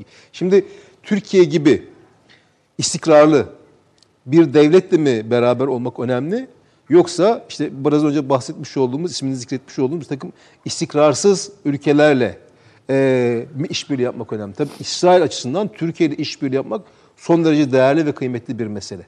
Şimdi bu noktada Türkiye'nin ortaya koyacağı tavır ve jeopolitik tercihler büyük bir değer kazanmış durumda. Şimdi burada e, tabii bir gerçek de var. Bunu da söylemek zorundayız. Sen bu stratejik tercihini koymadığını mı düşünüyorsun ya da daha koymadığını mı Yani düşünüyorsun? şi- şimdi ben ben şöyle düşünüyorum açıkçası e, bu pandemiyle birlikte biz tabii e, pandeminin e, sağlık kısmına, cari ekonomi kısmına veya sosyal yaşam gü- günlük kısmına çok kitlendik. Ama pandemi şöyle bir şey yaptı. Dünyadaki jeopolitik taşları, temel taşları yerinden oynattı. Şimdi bunu bunu çok iyi okumalıyız. Bunun sunmuş olduğu çok büyük fırsatlar var ama üretmiş olduğu çok büyük riskler de var. Şimdi bunu bunu okurken biraz önce Taşansı hocam çok güzel bir noktaya değindi. Yani ulusal güç unsurları üzerinden, milli güç unsurları üzerinden, farklı disiplinler üzerinden çok farklı projeksiyonları çalışmalıyız. Bunları çalıştıktan sonra bir bütüncül yaklaşım üretmeliyiz. Ve bu bir e, Türkiye'ye ait bir e, siyasete ve stratejiye dönüşmeli. Gelecek açısından. Tamam o zaman şöyle diyorsun. Daha değil, daha bu Da- böyle daha bir taşları koymadı. Ee, Türkiye bu stratejik planını, kararını koymadı ama bunun üzerinde çalışıyor diyorsun. Öyle anlıyoruz. Ya da çalışmalı diye tavsiye ediyorsun. Ya, yani mutlaka çalışıyorlardı. Şimdi öyle bir Tamam. e, haksız bir cümle kuramayız. Yok, tabii. Ama ama bunun ne kadar önemli olduğunu vurgulamaya çalışıyorum. Çünkü gelecek bunun üzerine şekillenecek. Yani pe- pek çok parametre var. Ama hani bir, e, bizim terminoloji şöyle bir cümle vardır. Bir taktik seviye vardır, bir operasyonel seviye vardır, bir de e, stratejik, jeopolitik seviye vardır. Kesin hüküm cümlesi gelecek jeopolitik seviye en üst katmandan e, kurgulanır. Yani Yo, ben mesela hani tabii daha burada daha e, moderatör konumda olduğu için çok konuşmuyorum da e, mesela ben onun uygulandığını düşünüyorum. Yani böyle bir planın var olduğunu Evet. hatta bunun Türkiye'nin biraz daha evvelden de sezip biraz önlem biraz el yordamıyla biraz planlı ama hani bir şeyi yol yani bir planı işlettiğini bir çarkı çevirdiğini ben düşünüyorum. Şimdi o yüzden Libya'daki e, sonuç son derece önemlidir. Peki. Libya'nın. Libya'nın bölünmesinin engellenmesi son derece önemlidir. Yani bu buradaki bence şu an gözüken en nirengi noktası, Doğru. e, temel parametre bence bu. Çünkü Tamam. buradaki başarı e, Türkiye'yi hem Akdeniz'in hem Avrupa'nın güvenliğinin hem de e, Afrika'nın jeopolitiği ile ilgili kilidi Libya'daki başarı açacaktır veya orada orada orada, orada basmalı kalacaktır. Orada. Siz bir şey mi söylüyordunuz? Yok, hayır. Tamam. Taşansı Hocam bir şey soracağım size kısa bir şey ama. Bu son e, Abdullah Bey şey açtığı için konuyu bu en, e, Akdeniz meselesi, anlaşmalar meselesini. Türkiye ile Filistin arasında bir münhasır ekonomik bölge anlaşmasını üzerinde çalışıldığı gibi bir laf dolaşıyor ortada. Hoş Filistin şey tarafından bu hani evet öyle bir yani görüşmeler var ama onu konuşmuyoruz diye de bir laf çıktı ama siz bunu olası görür müsünüz? Yani benim bildiğim doğa kanunlarına göre pek biraz zor değil diyorsunuz. harita üstünde. Peki neden mesela ben siz yani şey, kaynağı da göstereyim. mümkün değil. Evet hayır ama e, yani hali hazırdaki topraklar üzerinden yapılmıyordur belki o açıklamalar. Yani onun bir hükmü olmaz Peki. zaten de e, yani o zaman Gazze yani şeyde Gazze şeridinde konuşulu olan e, Hamas hükümetini e, nen yetki alanıdır orası Gazze sonuçta. E, o coğrafya coğrafya olarak mümkün değil ama yani İsrail'in batısı işte Akka'ya kadar giden bir bölgeden bahsediyorsanız onu da İsrail'le yapacaksınız konuşmayı. Yani öbürünün orada bir yetkisi yok çünkü. Yapmayacağımız için. Ha, tarihi olarak vardır Öyle diyorsanız da o bambaşka bir şey. Peki. O yani fütüristik. E tamam ama işte İsrail yani bakın şu şimdi bir hocamız mesela mesaj atmış biraz önce eksik olmasın. Diyor ki İsrail'in sessizliğinden şüphelenmek haktır ama diyor her şey yolunda giderse de sessizdir diyor İsrail. Yani biraz ona yormak lazım. Yalnız İsrail Türkiye'ye destek attı biliyorsunuz Libya'da. İran'ı suçlayarak, İran dedi Hafter'e destek veriyor diye Türkiye dolaylı yoldan bir destek attı oradan, bir göz kırptı. İran ama resmi olarak şeyin yanında duruyor. Yani resmi açıklaması o şeyi bilmem pratiği. Saracın yanında. Saraj'ın yanında duruyor. Yani meşru hükümeti. Şimdi o da onu söylüyor. Şimdi bu bu bu bu, bu bir, ne anlama geliyor? Türkiye'nin Avrasya ve e, Atlantik tarafından e, kendi yanlarında görülmeyle ilgili e, bir takım e, şeyleri e, emareler içerisinde barındırıyor. Şimdi biz biz bir şekilde denge siyaseti üretmeye çalışıyoruz ama e, herkes bir şey diyor. Biz seni e, yanımızda görmek istiyoruz. Şimdi bunun e, koşulları nasıl şekillenecek? Yani bugün örneğin o dünyadaki jeopolitik sarkaçta yani Amerika Birleşik Devletleri ile Çin arasındaki yaşanan gerilimde Türkiye gibi bir ülkenin alacağı pozisyon veya yapacağı tercih son derece hayatidir. Şimdi herkes e, bu noktada bir şekilde Türkiye ile ilgili e, son derece güçlü, Türkiye'ye dair söylenmeyen fikirleri ve planları var.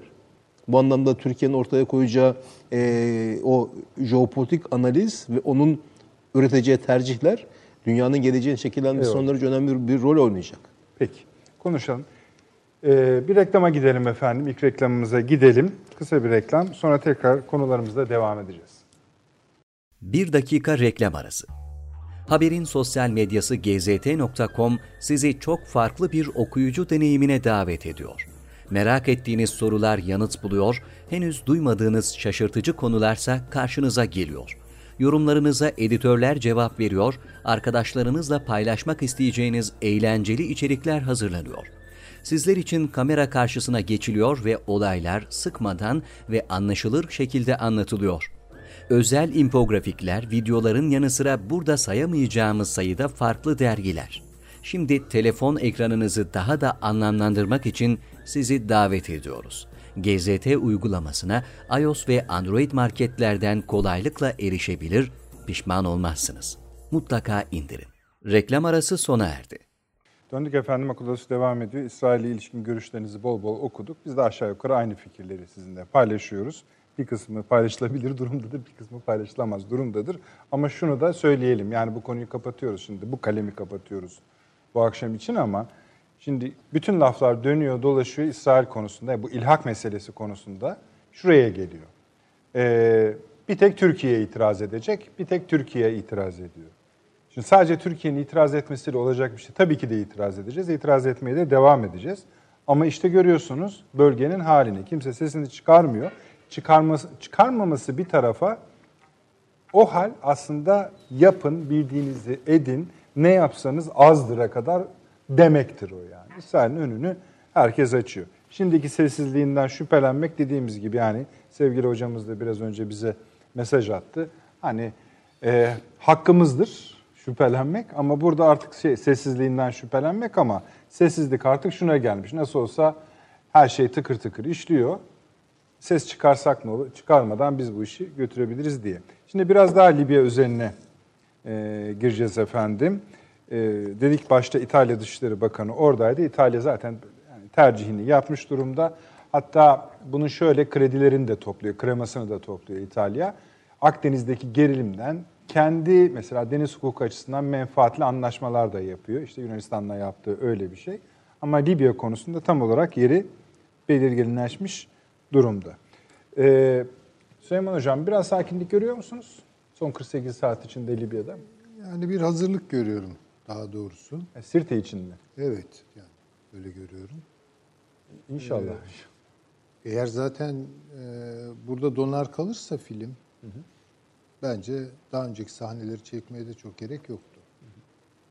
Daha bir önceki anlamı yok. sahneler de silinir böyle. E, silinirdi tabii ki. Yani Türkiye bu kararlılığı gösterecek.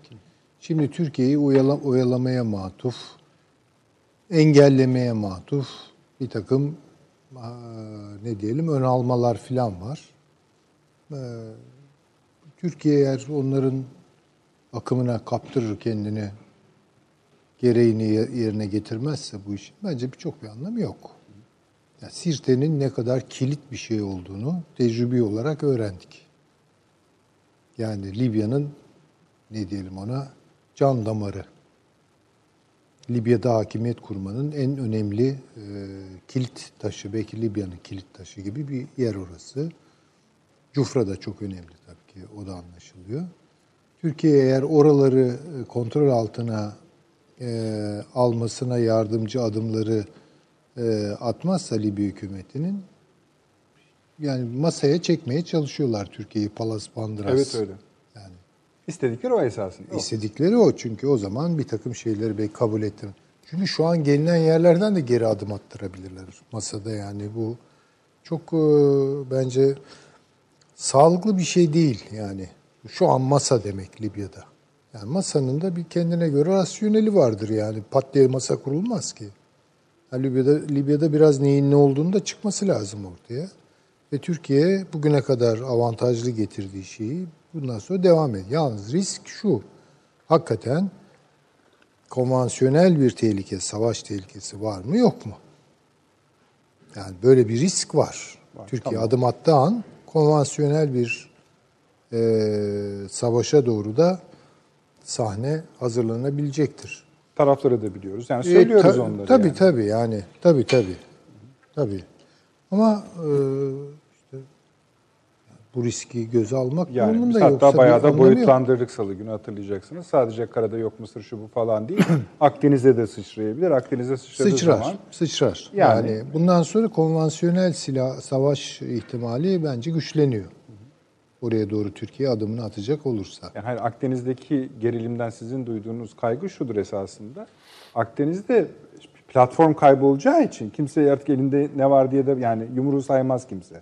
Öyle de bir durum var. Hani Yalnız şu psikozdan bence biraz çıkalım. Yani şimdi e, bir taraftan da zihnimin bir tarafı bana bir şey söylüyor. Yani diyor ki ya savaş gibi bir şey konuşuyorsun be adam yani. insanlar ölecek yani. Yani telaffuz etmekte tabii ki zorlanıyorsunuz. Yani ama eğer bırakırsanız savaş bitecekse dünyada bırakalım. Ama savaş bitmeyecek. Bu çok açık. Ve siz kaybedene doğru, kaybeden tarafa doğru yuvarlanacaksınız.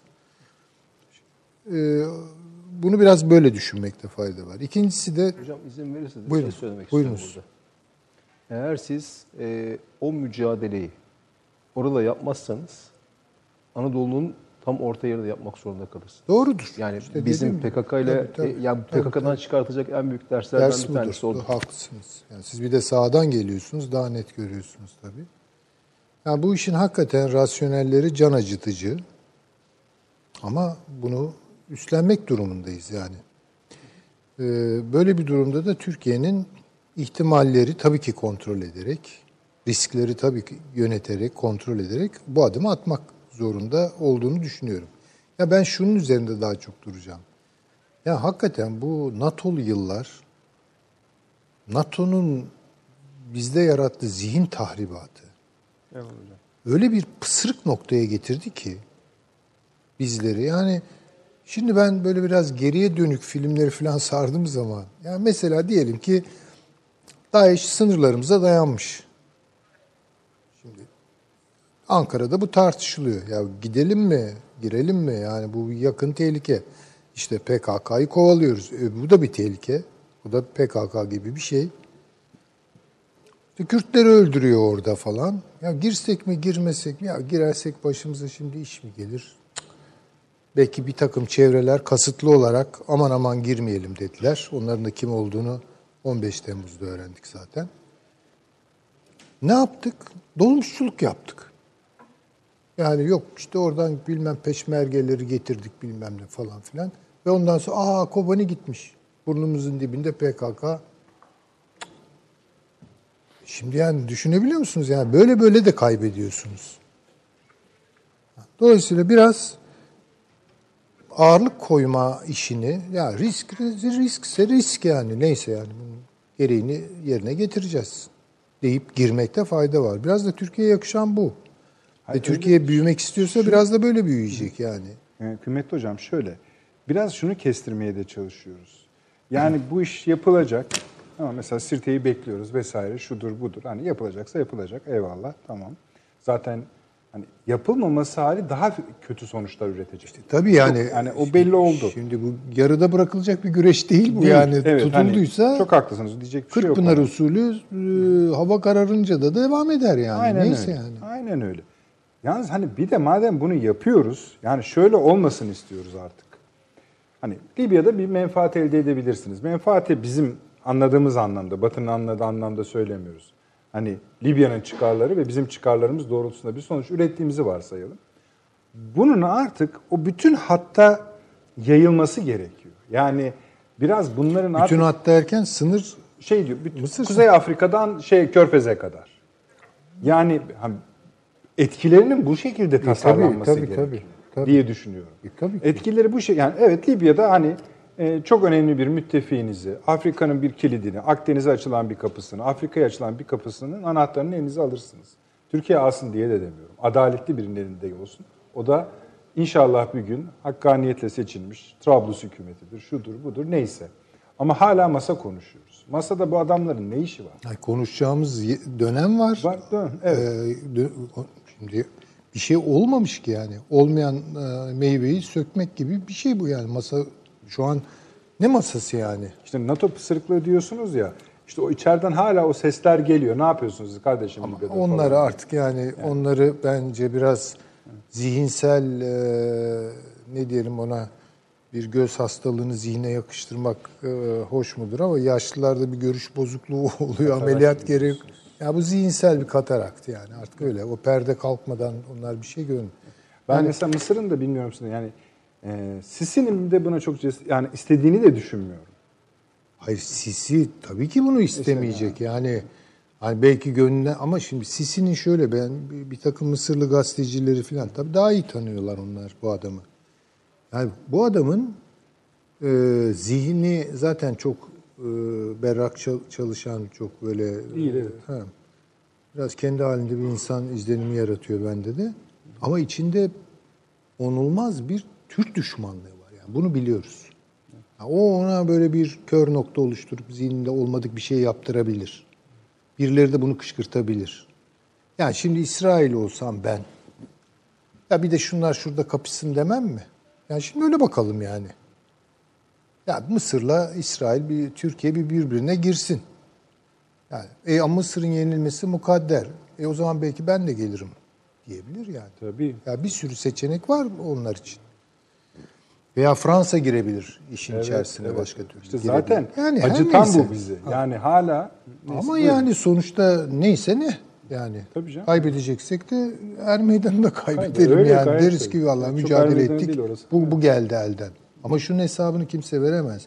Valla tam yapıyorduk bir şeyler oldu ve yapmaktan vazgeçtik. Sonrası da kötü geldi. Bu, bu çok açıklanabilir bir şey değil. Bu çok açıklanabilir bir şey değil. Yani Türkiye biraz da böyle kabul edilmeli. Bakın şunu unutmayın yani yüzlerce sene Avrupa'da Türkler geliyor korkusuyla belki de Türklere karşı yapabileceklerini de yapamaz hale gelmişlerdi. Yani o korku çünkü sizi güçten düşürür. Her korku güçten düşürür. E şimdi e, sonra o korkuyu yendiler. Aa bak Türkler de yeniliyormuş. Değil mi işte? Karlofçası, Pasarofçası, işte Viyana meselesi filan. Sonrası da geldi zaten. Bu sefer hasta adam falan demeye başladı. Şimdi biraz dediğim gibi yani e,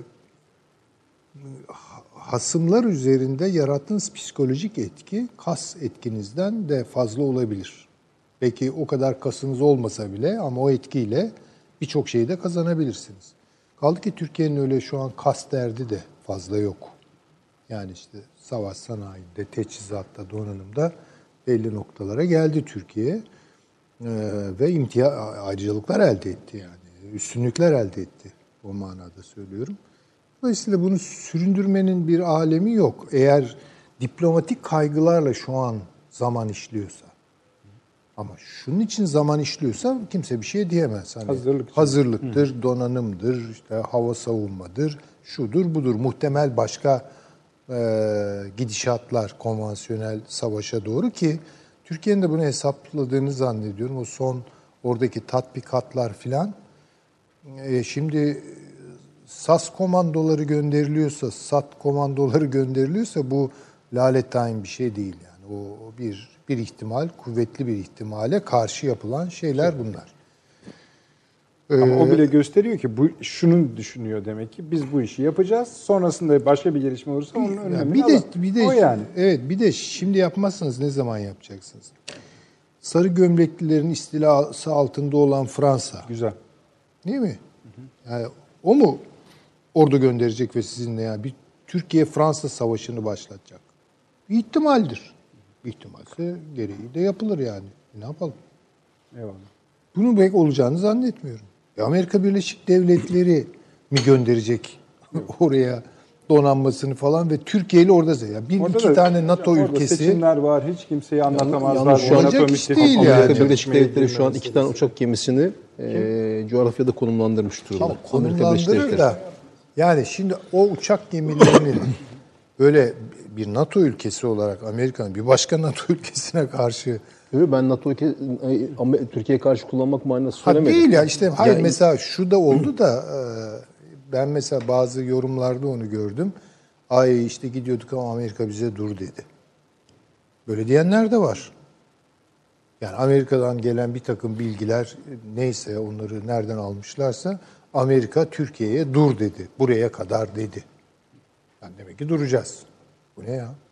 Yani yani diyelim ki o gemileri onların zihniyetini takiben söylüyorum, akıl yürütmelerini Türkiye'yi kontrol etmek için gönder. Türkiye'nin bu kadar orada yer etmesine Amerika müsaade etmez diyenler var yani.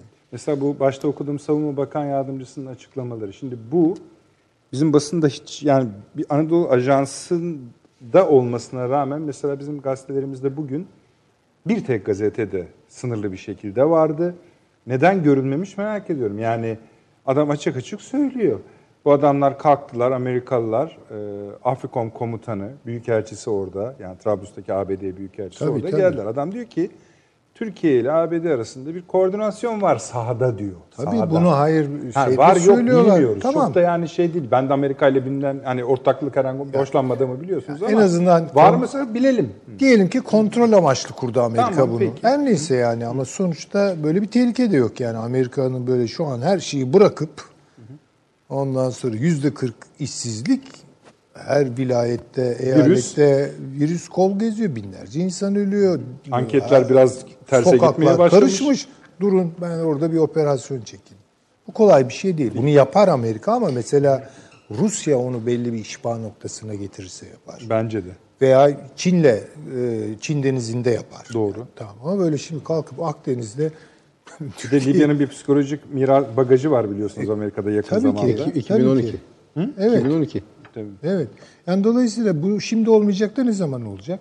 Bence yani beklemeyi e, tereddüt olarak değil, hazırlık olarak değerlendiriyorum. Ya da merhum Ecevit'in deyişiyle öyle düşünmeyi temenni ediyorum. E, yani bu öyle bir, bir şey, bir tablo var ortada. Sizce e, tartamadığımız bir oyuncu var mı? Şimdi e, şu Libya ana özelinde. yani İsrail biraz daha hassas tartılmalı. Tartamadığımız diye bir şey aktörler zaten belli. Ee, Sudan'ın biraz tartılması lazım. Yani Sudan'daki yönetim biraz sıkıntılı geliyor bana ama elinde Öyle. ordu gücü falan yok onların da. Ama oradan Türkiye'ye aleyhtarı bir ses duyuluyor, bir çatlak ses duyuluyor. Ee, zannetmiyorum yani Türkiye'yi durduracak, Birleşik Arap Emirlikleri'ni durduracak veya e, ne bileyim Suudiler mi du- durduracak falan. Yok böyle bir şey. Bence e, bu işte en sıkıntılı anları yaşayan bugün Rusya. Rusya. Ama bu bizim işimize geldi. Ben onu tekrar ediyorum. Yani Rusya'nın orada olması Türkiye'nin işine geldi. Çünkü güçlü bir NATO reaksiyonu doğurdu. Afrikon reaksiyonu doğurdu. Pentagon reaksiyonu.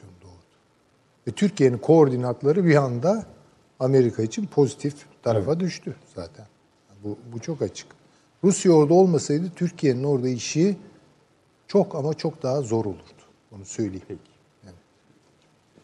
Şansı Hocam, buyurunuz Libya. Şöyle söyle, yani açılışınız şöyle olsun madem. Hani diplomatik kaygılarla mı zaman kullanıyoruz şu anda Libya'da yoksa Sirte için hazırlık mı yapıyoruz? Yani evet ya da hayır cevabı tabii ki seviniriz ama Yani- oradan yürüyün diye söyledim ben. İkisi beraber olmaz mı diyorum ben de. Ee, Evet peki buyurun. Zannediyorum yani ikisi ikisinin beraber yürüdüğü kanaatindeyim. Peki peki. Ee, yani şu anlamda beraber yürüdüğü kanaatindeyim. Bu diplomasi e, ve savaş e, malum hani e, birbirinin tezatıdır. Yani savaşın olduğu yerde de diplomasi devam eder ama artık e, hükmünü yitirmiş yitirmiştir. E, savaşın olduğu yerde diplomasi dediğim gibi hükmünü yitirir ama e, diplomasinin olduğu yerde de savaş ötelenir. Ancak şu an benim anladığım Libya'da bu Sirte Cufra hattı e, konusunda hani ben olabildiğince biliyorsunuz sizin programlarınızda tarafsız bakabilmek adına o mesleki bir refleks olması gerekenlerden bahsetmemeye çaba gösteririm. Çünkü o sizin e, analiz kapasitenizi sınırlandırır. E, O anlamda da hani olanı analiz etmek, olanı anlamaya çalışmak çok daha önemli benim açımdan. Benim işim o yani. E, O öyle baktığımda da sanki şu an gördüğüm şey e, bir yandan diplomasi sürüyor E, ama bu diplomasiyi sürdürürken e, oradaki güç tehdidi e, e, giderek de artıyor. E, yani bu şu demek, e, Sirte ve Cufra civarına operasyon e, yapılma ihtimali, yani bu bölgelerin Türkiye destekli e, meşru Libya hükümet tarafından ele geçirilmesi için bir operasyona başlanma ihtimali her gün artıyor ve diplomasi masasında da bu artan ihtimal masaya getiriliyor. E, kiminle konuşuluyor peki burada diye baktığımızda burada e, temel sıkıntının Mısır olmadığı belli. Yani şimdi e, Mısır'ın yaptığı açıklama işte Sisi'nin e, bizim kırmızı çizgimizdir, şudur budur vesaire. Yani o e, o anlık gelişen e, oradaki aşiret reislerine e, cevaben gelişen bir açıklama olduğu zaten ortada. E, Mısır'ın böyle bir kapasitesinin olmadığı ortada. E, aynı şekilde Etiyopya ile yaşadığı sorundan dolayı da e, yani iki cephede böyle bir çatışmaya girme riski e, düşük görünüyor ama ittirilebilir, kaktırılabilir.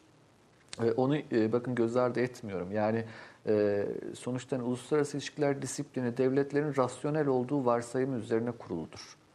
E, Ancak o disiplinin incelediği devletlerle şu an Orta Doğu'daki devletler pek birbirine yakın özneler değiller, pek yakın entiteler değiller. Dolayısıyla irrasyonel bir tavır çıkabilir mi? Çıkar ama çok düşük bir ihtimaldir bu Mısır açısından baktığımızda. Mısır'a bu açıklamayı yaptırtan belli ki Rusya. E, Çünkü orada Sirte Cufra hattını tutan güç Rusya. E, Yani bizim masada konuştuğumuz güç de Rusya bu anlamda. Ee, Şimdi Lavrov'un yaptığı açıklama da e, hep ben söylüyorum yani Türkiye ve Rusya komşu, Karadeniz'i paylaşıyoruz, çok fazla ortak çıkarımız var. Ama bir sıkıntı var e, Türk-Rus ilişkilerinde. Bu e, yani aşılamadı bir türlü. 2015 uçak krizinden önce aşılmaya yaklaşılmıştı sanki ama yine aşılamamıştı ama yakın bir durumdaydık. E, Şu an epeyce uzağız. O sıkıntının adı Rusya'nın e, diplomasi teamülleri. Ee, özellikle Türkiye'ye yaklaşımında Rusya o eski Sovyetler Birliği aklını ve hatta o aklı da oluşturan Rusya imparatorluk aklını bir türlü bir kenara koyamıyor. Yani bu Mesela Lavrov'un son yaptığı açıklama biz Rusya ve Mısır, e, Türkiye ve Mısır arasında bir uzlaşıyı sağlayabiliriz cümlesi e, o kadar üst perdeden bir açıklama ki yani eşitler arası bir ilişkiden bahsetmiyor. Türkiye'yi Mısır'la eşitleyip kendisini e, bir medyatör, bir e, sorun sorun çözücü olarak konumlandırıyor. Bakın aynı sıkıntı e, bence hani Libya'ya dair daha da fazla bir şey söyleyeyim çünkü önceki programlarda çok konuştuk ama e, şöyle söylemiştim ben Libya'ya dair. E, Türkiye kardan zarar edebilir Rusya ile görüşmelerinde. Neyin karşılığında? Suriye de Rusya'nın belirli konularda Türkiye'ye yakınlaşması karşılığında demiştim. Şimdi e, yani mefhumu muhalifinden okursanız bu cümleyi ee, Rusya'nın da e, Türkiye'yi çok iyi sıkıştırdığını bildiği Suriye coğrafyasında koz olarak Türkiye'ye karşı Libya'da alacakları için kullandığını söyleyebiliriz. Bu anlaşma masası böyle tanımlanır. Ee, ancak e, oraya da baktığımızda, Suriye'ye de baktığımızda Astana süreci de dahil olmak üzere Rusya'nın bir e, eşitler arası ilişki kurmaktan ziyade orada da sanki Türkiye'yi İran'la ve Suriye ile e, bir düzleme itmek, yani onlar arasında bir karşıtlık var ve işi çözmeye çalışan abi pozisyonuna kendisini sokmaya çalıştığı çok açık. E, Şimdi o noktada e, bu diplomatik tahammüllerinden birazcık daha gerçekçiliğe doğru yönelirse e, Rusya tarafı e, zannediyorum ki bir çözüm yolu oluşabilecektir. Ancak işte dediğim gibi yani bu belli gelenekler kolay kolay ortadan kaybolmuyor. Öyle akıl yapıları kolay kolay değişmiyor ülkelerinde. E, Ve o anlamda zor bir görüşme trafiğinin olduğu kanaatindeyim ben. Yani çünkü e, sadece Libya konuşulmuyor orada. Libya ve Suriye ve hatta belki Irak'ta dahil olmak üzere çünkü bütünleşik bir hat artık bu.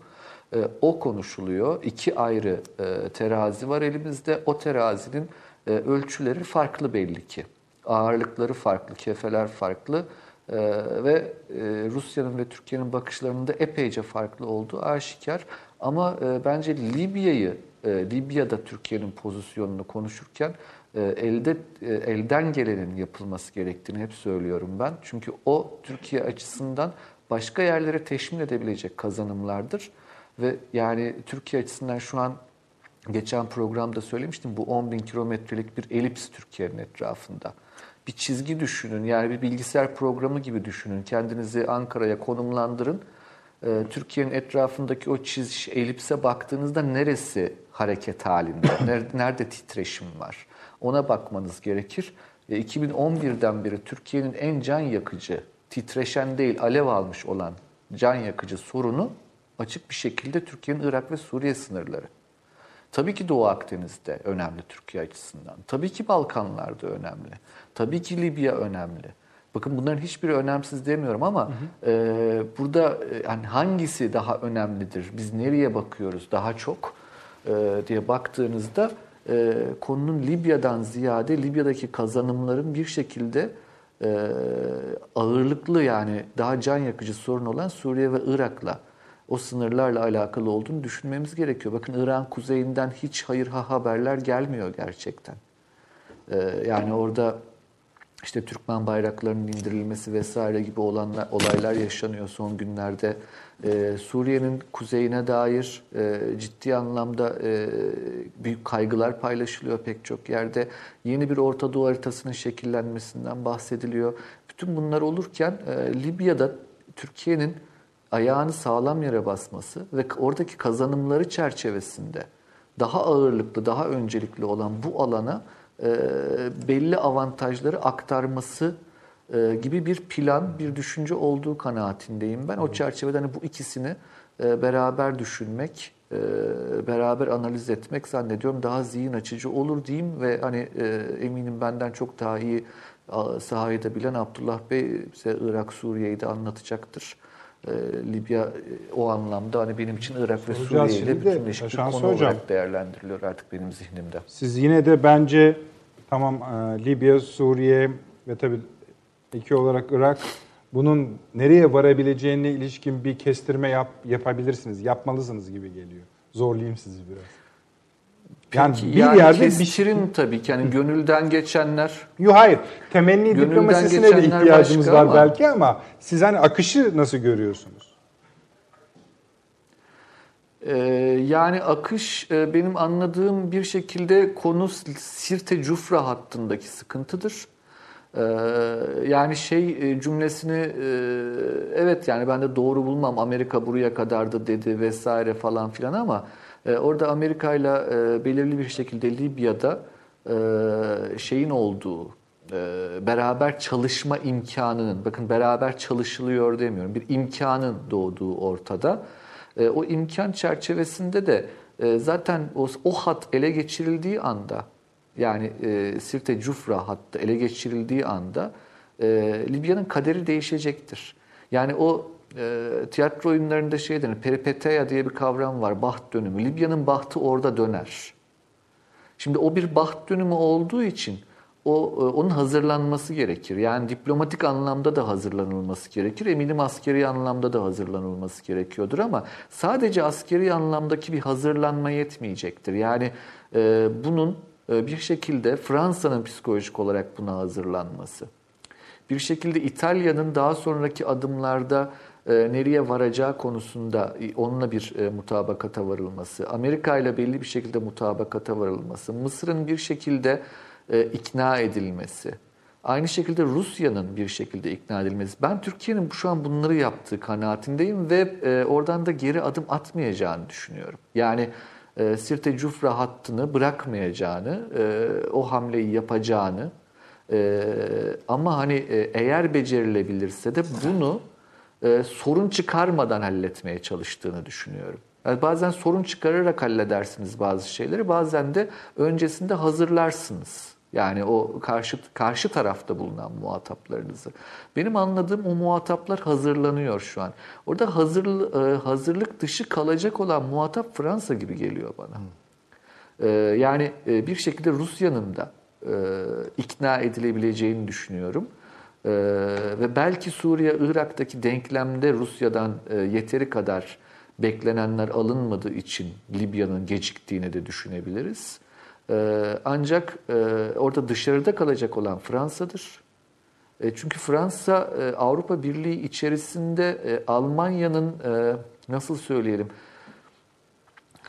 bir şeydir bu böyle küçük kafa büyük gövde hali. Yani Almanya'nın bir şeyi yok, perspektifi yok dünyaya dair. Bir stratejik perspektifi yok ama büyük bir gövde olduğu belli. Fransa kendine böyle bir misyon biçti çok uzun zamandır. Yani Avrupa Birliği'nin aklı benim. E, madem sende bu gövde var ben, ben bu akılla seni kullanırım. Avrupa'ya da bir kimlik kazandırırım. Çünkü zaten kimlik işi benim işim diyor Fransızlar. E, Avrupalılık kavramını ben icat ettim diyor. Yani ilk kez Avrupalılığı dillendiren düşünün Napolyon'dur yani yakın dönemlerde. Öyle bir kavram yoktu. E, velhasılı kelam şimdi Fransa'nın e, bu bütün e, kendisine e, bu tarz roller biçmesine rağmen arkasında Çek Cumhuriyeti'ni aldığını düşün, düşünmeyelim yani. Arkasında İsveç yok.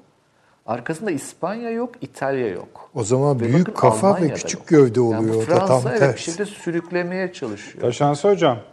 Evet. Sizin yani, yani anatomik tarifinizde bir itiraz var Süleyman Hocam. Yok itiraz değil yani kon, kontrası yani. Yani Almanya birbirimize düşürecek. yani bu, yani vücut da büyük, kafa Doğru. küçükse de kafa büyük, vücut küçükse de bu acılı bir şey. Yani Avrupa'nın hali bu yani. gibi bir şey oluyor. Vallahi her her halükarda her halükarda acıklı. Evet yani öyle işte. Iki, ikisi de hoş değil. Doğru. Ee, yani o bir dengesizlik hali.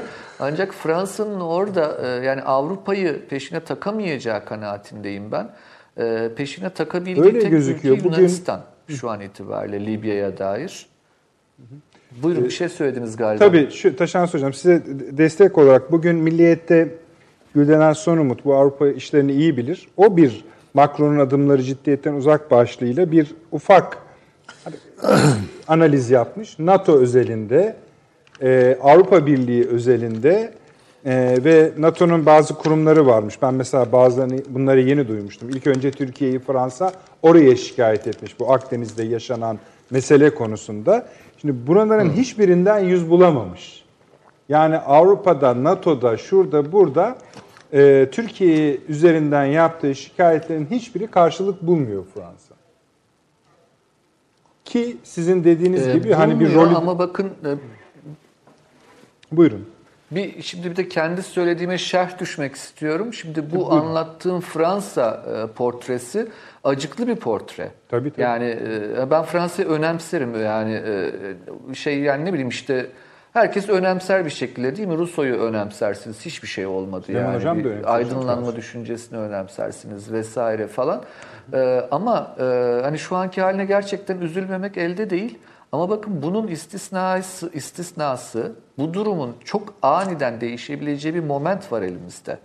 Biden'ın seçildiği bir Amerika tersine öyle bir dünyada Fransa bambaşka bir yerdedir. Evet, evet. Evet. Fransa Amerika ile beraber Afrika'yı paylaşan.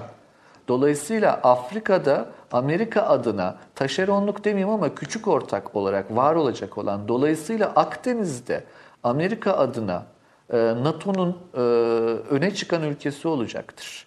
Şimdi Macron'un hesaplarını da hani o kadar da e, küçümsemeyin. Yani adam şeydir nedir ona çok kötü sözler söyleniyor Türkiye medyasında. Bence doğru değil bu.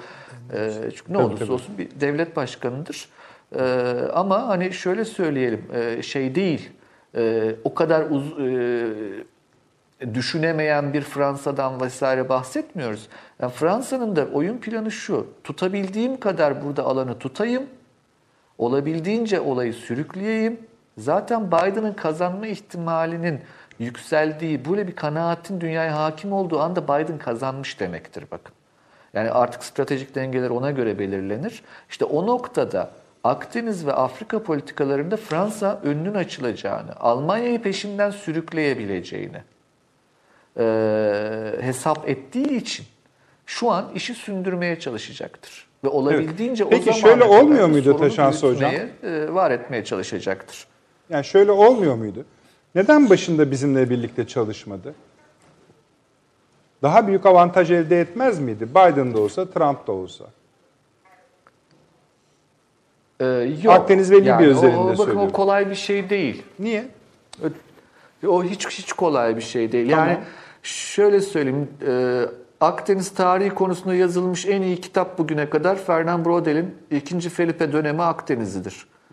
Yani orada da bakarsınız Akdeniz bir batıda bir doğuda iki güç tarafından paylaşım mücadelesiyle geçer tarihi. Bu değişmez. Yani bu Batı Roma, Doğu Roma olur, Osmanlılar, e, İspanyollar olur vesaire değişmez bu. Yani Fransa orada Türkiye ile ortaklık yapamaz. Zaten şeyleri tutmuyor. Yani e, paternler tutmaz yani. Ama Amerika'yı soruyorsun. Böyle bir şeye de girişemezdi. Haş bunu yapabilir mi? Amerika'nın ortaklaştırmasıyla yapabilir mi? Yapabilir. Ama bakın orada Amerika'nın şeyine ihtiyaç var, e, baskısına ihtiyaç var. Çünkü Fransa'nın Av- Afrika'ya dair temel derdi şu, var olan ekonomisi Afrika'ya bağlı Fransa'nın. Bakın eğer Fransa, Afrika'dan Fransa'yı çıkarırsanız, Fransa Polonya'dan daha beter bir ülke haline geliyor Avrupa Birliği içinde iktisadi anlamda. Taş- iktisadi anlamda zorlanan Fransa, ben Fransızların yaratıcılığına inanırım. Siyasi olarak da çal, e, çalkantılı bir Fransa haline alacaktır. Dünyaya yeni şeyler de hediye edebilirler. Yani işte değil mi Fransız devrimini falan hediye etmişlerdi. E, dolayısıyla Afrika o kadar önemli. E, bunu paylaşmak istemez yani. Peki. Peki yani tabii Ama orada Yunanistan'a bakmak lazım. Ee, Yunanistan'ı ben önemsiyorum. Geçenlerde de hani tam söyleyemedim. Ee, yani Niye söyleyemediniz? Küçüktür, şudur, budur. Biz bir- birazdan böyle e, zile basıp kaçan çocuk gibi e, şey oluyor. Nedir onun adı davranıyoruz. E, çok haksız değiliz. E, zile basıp kaçan çocuk ne yapayım ben şimdi buna falan diyoruz ama e, bir yandan da e, belli bir kapasitesinin olduğunu, özellikle AB çerçevesinde bir kapasitesinin olduğunu e, ve özellikle bu dede ağaçtaki üs son derece önemli bir Amerikan işaret. Amerikalıları söylüyorsunuz. Ee, yani NATO'nun savun e, e tabii Amerikalılar açısından bize- o bize karşı E, değil ki. Akdeniz güvenliği açısından söylüyorum. O çerçevede hani Yunanistan'ı çok şey yapmayalım. Öyle e, çok da önemsizdir demeyelim. E, yani çok büyük bir önem de atfetmenin alemi yok ama dediğim gibi hani biz tarihsel olarak böyle Karar bir şeyimiz var Yunanistan'a dair. Tamam, E, ben- Şirin buluyoruz galiba birazcık böyle. Gülümsüyoruz devamlı. O kadar gülümsemeyelim yani. Yok ben gülümseyeyim siz daha ciddi tutun. Şöyle yani e, ben Peki. biraz öyle yapalım. Şimdi mesela Polonya'dan bahsettiniz affedersiniz. Afrika ile kıyaslarken mesela Polonya'yı da ben artık daha yani e, Sizin çok iyi bildiğiniz bir coğrafya olduğunu ben bilerek söylüyorum. Yanlış anlamayın. Hani Polonya'yı mesela şimdi daha çok önemsememiz gerektiğini düşünüyorum ben. Türkiye'nin buna özellikle yoğunlaşması E, tabii. gerektiğini düşünüyorum. Bakın hani zaman kalırsa diye not etmiştim size soracaktım. Ama en azından sorayım. İnşallah zaman kalır. Bakın bu Almanya'dan asker çekti ya Amerika Birleşik Devletleri. Polonya'ya gönderiyor ve bunun bir herhalde Hayır daha, daha e, çekmedi. Sadece bunu bir koz olarak Almanya'ya karşı kullanıyor. Avrupa Tamam. Birliği'ne karşı kullanıyor. Tamam ama bugün e, Trump'ın söylediği bunu şeye göndereceğim diyor. Polonya'ya göndereceğim. Tamam çeker çekmez ayrı konu. Ama zaten bunu söylemiş olması da bir şey. Polonya'ya göndereceğini söylemiş olması da bir şey. E, ve biz biliyoruz ki Polonya e, Rusya'ya karşı bir cephenin merkezine yavaş yavaş dönüştürülüyor. O da ayrı bir konu. Süleyman Hocam bir şey söyleyecektiniz Amerika Ee, konusunda hemen. Eğer bitirdiyse Taşansı Hoca Tamam mı Patajansı Hocam? Tabii tabii ben bitirdim. Ben Tamam. e, tabii, Eksik tabii, kaldıysa tabii tamamlarız ilerleyen. Şimdi, evet. Şimdi bu Fransa ile ilgili e, yaptığı değerlendirmeler Taşansı Hoca'nın geçen programda benim söylediklerimle neredeyse Tamam, birebir öyle, evet. örtüşüyor. Yani Biden Fransa- konusunu söylüyorsunuz. Yok, hayır? Fransa'nın zihin dünyasına dair bazı şeyler söylemiştim. Tabii tabii. O, evet onu o çok iyi hatırlıyorum. e, birebir örtüşüyor. Şimdi Ama benim- Biden konusu da örtüşüyor. Orada şöyle bir şey var yalnız. Ona dikkat etmek gerekiyor. Benim de biraz e, gündeme getirmek istediğim meseleler onlar. Bir şöyle önce Fransa-Almanya ilişkisine bakmak lazım. Fransa ile Almanya'nın ilişkisi son zamanlarda iyi değil. Evet. Yani çok bir ara çok işte ortak bilmem zeminler oluşturuyorlardı platformlar. Artık işte Real Avrupa, Almanya artı Fransa'dır filan. Burada bir takım farklılıklar var. Çünkü Almanya'nın tercihleri Merkel de bunu oldukça net dile getiriyor. Muhtemelen Merkel'den sonra gelecek siyasetçiler de daha Avrasyacı tercihlerde bulunuyorlar. Yani bir kere o. Yani daha Avrasyacı tercihlerde ve daha Almanya'nın milli çıkarlarıyla e, ilişkilendirebileceğimiz tercih. Yani Almanya'da aslında artık başının çaresine bakmanın derdinde. Yani çok fazla Avrupa derdi e, gütmüyor. Bu anlaşılıyor. Tabii tamamen ipleri koparmış diyemem böyle bir saçma ifadede bulunamam ama yani yani Avrupa Birliği'nden sonra Almanya'nın hali nice olacak diye bir zihin mesaisi e, öngörü ve yani artık biz daha çok Rusya ile beraber e, iş tutacağız demeye getiriyor. Şimdi tabii Merkel'in siyasi meşrebi de buna uygun. Macron'a geldiğimiz zaman, yani Macron çok açık bir biçimde, adını koyalım biz bunun, Amerika Birleşik Devletleri ile Trump siyasetleriyle başı hoş olmayan bir adam. Ve bütün yatırımını da zaten söylüyor Çin'den yana yapıyor. Yani tercihini Çin'den yana yapıyor. Almanya'nın buna verdiği cevap evet ekonomik ilişkilerimizi Çin'le yoğunlaştıralım. Mesele yok. Ama şey kadar Fransa kadar Çin meselesine atlamıyor. Şimdi aynı şey bu Brexit sonrası Boris John- Johnson için geçerli. Yani aslında Macron'la Boris Johnson aynı mektebin mezunları, aynı noktadan hareket ettiler ama Boris Johnson son tahlilde tercihini Amerika'dan yana yaptı. Bu çok açık. Yani. Şimdi dolayısıyla Macron böyle bir açmazda. Hastalandıktan sonra Ha, özellikle. onun için Avrupa fikrini yeniden canlandırmak suretiyle bir şeyin önünü açmak istiyor ki orada Taşansı Hoca'nın dedikleri tamamen doğru. Yeniden transatlantik meselesini gündeme getiriyor. Yani Amerika ile Avrupa yeniden hemhal olacak ve ortaya muazzam bir batı sinerjisi çıkacak yani. Ee, ve tabii ki oynadığı kart Trump değil asla. Biden. Biden üzerinden Çin. Evet. Şunu da ekleyebilir miyim hocam? Biden kazanırsa unutmayın ki Merkel de olmayacak. Tabii. Yani, yani Tabii, bütün bu tabii, biz tabii, o- hesaplarımızı, kitaplarımızı baştan yapmak İşte zorunda zaten hani kalacağız. biz bunu söylüyoruz Tabii. böyle bu meseleler konuşula- konuşulurken dünyada bir Trump gerçeği var. Evet. Ona, göre, konuş- konuşuyor. Trump seçimi kaybederse söylediklerimizin hepsini çöpe atın. Evet, tabii aynen Biz öyle. de atacağız ve yeniden Bir düşünmeye. de tabii yani düşünün ki e, Fransa oyuna yeniden dönmüş. Merkel artık Tabii. Başka biri var ve Biden var. Evet, Garip bir ve dünya. Almanya'nın şöyle bir hesabı da var. Daha Türkiye'ye sıcak durmaya çalışıyor.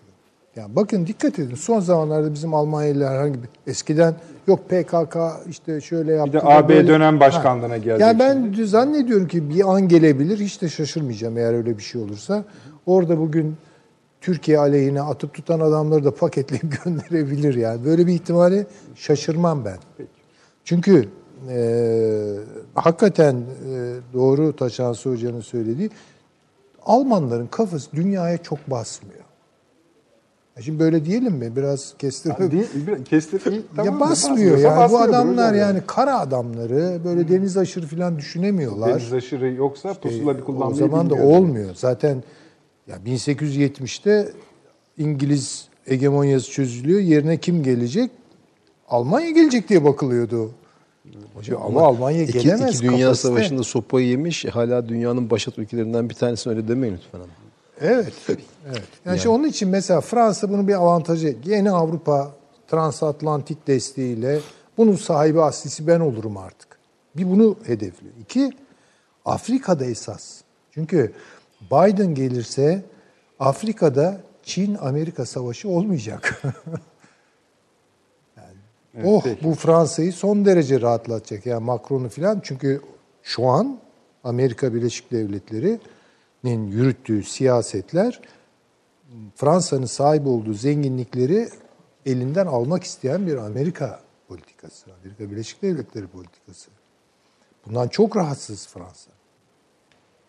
Şimdi e, ama eğer Biden gelirse e, Çin Amerika savaşı e, kıtada e, Afrika'da olmayacak yani. Ya çünkü Amerika ne hale gelecek onu bilmiyoruz tabii o arada. Peki. Ama Çin kazanacak. Çin kazanırsa da Fransa'nın dediği olacak işte yani. Peki şöyle yapalım şimdi. Arkadaşlar Abdullah'ın kitabında tabii şimdi biraz sonra, şimdi bir reklama gidiyoruz efendim. Biraz sonra bizim konuştuklarımızın ne kadarını yazıp yazmadan Abdullah'a soracağız. Ee, tabii ama önce e,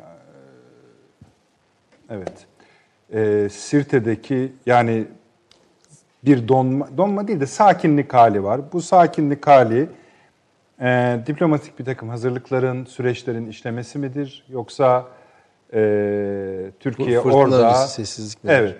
Neyse onu konuşacağız şimdi reklamlardan sonra sevgili Abdullah'la. Kitabımız da budur. Daha bugün çıktığı için de içine tam bakamadık. Ne kadarı bizim dediklerimiz var yok. Ona göre biz sizinle birlikte puan vereceğiz efendim. Reklamlardan sonra hemen dönüyorum. Bir dakika reklam arası. Haberin sosyal medyası gzt.com sizi çok farklı bir okuyucu deneyimine davet ediyor. Merak ettiğiniz sorular yanıt buluyor, henüz duymadığınız şaşırtıcı konularsa karşınıza geliyor. Yorumlarınıza editörler cevap veriyor, arkadaşlarınızla paylaşmak isteyeceğiniz eğlenceli içerikler hazırlanıyor. Sizler için kamera karşısına geçiliyor ve olaylar sıkmadan ve anlaşılır şekilde anlatılıyor. Özel infografikler, videoların yanı sıra burada sayamayacağımız sayıda farklı dergiler. Şimdi telefon ekranınızı daha da anlamlandırmak için sizi davet ediyoruz. GZT uygulamasına iOS ve Android marketlerden kolaylıkla erişebilir, pişman olmazsınız. Mutlaka indirin. Reklam arası sona erdi. Akıl Odası devam ediyor efendim. Sayın Abdullah Ağar'la konuşacağız şimdi. Sevgili Abdullah, hem kitabından da bahsedebilirsin ama e, şu Sirte meselesini sen nasıl görüyorsun? Sirte meselesi değil, yani Libya'yı da anlatabilirsin elbette ama bir beklentimiz vardır. Sen o beklentiyi paylaşıyor musun? Paylaşmıyorsan, e, paylaşıyorsan ne zamandır, nasıldır? Paylaşmıyorsan öbür yolun nedir? Şimdi Sirte'nin düşmesine engel olan Ruslar. Benim okuduğum bu. Ve Rus, Ruslar e, Lü- e, Libya'da ortaya koydukları etkiyi Türkiye'ye karşı e, açıkçası son derece e, nobran bir şekilde kullanmak ve buradan e, ortaya koydukları bir etkinin karşılığını bin birim fayda olarak almanın peşindeler. Ve bir diğer tarafıyla da biraz önce hocalarım söylediler. Konu sadece e, Libya ile ilgili bir mesele değil. O jeopolitik aks üzerindeki Rusya'nın menfaatleriyle ilgili olan bir mesele. E, şimdi şu oldu. E, Amerika Birleşik Devletleri Rusya'nın Wagner üzerinden e, Libya'daki varlığını e, bir menfaat meselesi olarak algıladı uzunca bir süre. Ta ki e, jeopolitik aygıtlarını devreye sokuncaya kadar. Yani Rusya'dan e, İran'a, İran üzerinden e, Mihemim'e, Suriye'ye orada kuyruk numaraları, bayrakları ve renkleri değiştirerek e, Su-35'lerin eşliğinde e, bölgeye gelen, Libya'ya gelen, Cufra'da konuşlanan e, Su-24'ler ve MiG-29'lar.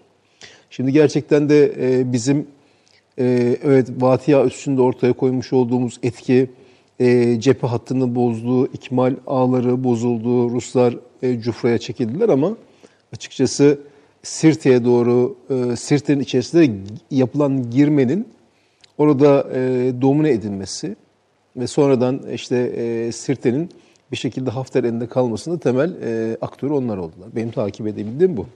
Şimdi tabii Türkiye e, bu konuyu onlarla konuşuyor.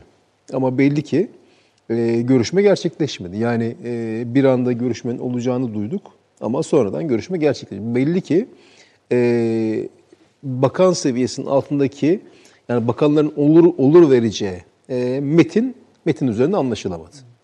Şimdi bu iş e, şu an hala ortada. E, nereye gider? Bunun nereye gideceğini e, açıkçası e, o kadar çok aktör kendisini belli etmiş durumda ki Şimdi burada en önemli husus biraz önce e, hocama destek olarak söylemiş oldum. Amerikan iki uçak gemisinin e, Cebeli Tarık'la Libya arasında Tunus açıklarında konuşlandırılmasını ben konuyla ala, alakalı görüyorum. Niye? Çünkü e, Libya hükümeti, ulusal mutabakat hükümeti e, Amerika Birleşik Devletleri ile işbirliği yapma eğilimi içerisinde. Yani meşru olan hükümet e, bir şekilde e, Amerika Birleşik Devletleri ile işbirliği yapacağını zaten mesajlarını siz de en başta şu söylediniz. Bir güvenlik şirketi meselesi. Onun üzerinden e, bir yapılanma. E, bir diğer tarafıyla Türkiye ile e, bir NATO tarzı ordu yapılanmasının devreye konulacağı. E, tam bu e, Rus uçakları konuşulduğu günce de e, Almanya'daki e, Amerikan ana karargahından kalkan biri C-17'nin oraya gelip e, e, Trablus'a inmesi. Unutma diyeceğini ben onu bir tekrarlayayım da. Bu mesela özel şirket lafını ben anlamadım hocam. Ben yani, onu onu söylerim. Ha, yani, Akla, tamam er, ama bir şu, şunu anlamadım. Sen yine anlat da. Yani ben herhangi bir savunma bakanından ya da savunma bakanı yardımcısının ağzından biz de Amerika'yla e, bir özel şirketle görüşüyoruz. Bu, bu yani ne ne demek ki bu? Yani siyaseten ne demek yani? Neyse buyurun. Yani bu bu şey çok Irak'taki olanın aynısı. İşte yani, yani sonuçta siz e, bir Amerikalı bir örnek vereyim ben size. Şimdi ben e, Irak'ta bir güvenlik şirketiyle anlaşma yaptığınız zaman o güvenlik şirketinin mensubu olduğu kanadın güvencesini, himayesini sağlamış oluyorsunuz. Yani onun onun üzerinden e, bir, bir e, işbirliği ortaya çıkıyor, şekilleniyor. Yani bu aslında e, tabii o güvenlik şirketini oraya gönderenlerin de son derece ciddi anlamda jeopolitik bir kazanım üretmesine, e, ekonomik anlamda bir imtiyaz üretmesine sebebiyet veriyor.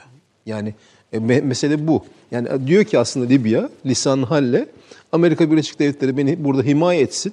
Ulusal Mutabakat Hükümeti. Ben de diyor Amerika Birleşik Devletleri istediğine karşılık vereyim Libya'daki e, hem jeopolitik değerimden Amerika faydalansın hem de işte e, yeraltı zenginliklerinden. Bir de sadece o değil. E, daha önce geçmişte gündeme gelmişti. E, Almanlarla ilgili bir meseleydi. 300 milyar dolarlık, 300 milyar avroluk pardon, e, yatırımla beraber Libya'nın o uçsuz bucaksız çöllerinde oluşturulacak güneş enerji santralleri.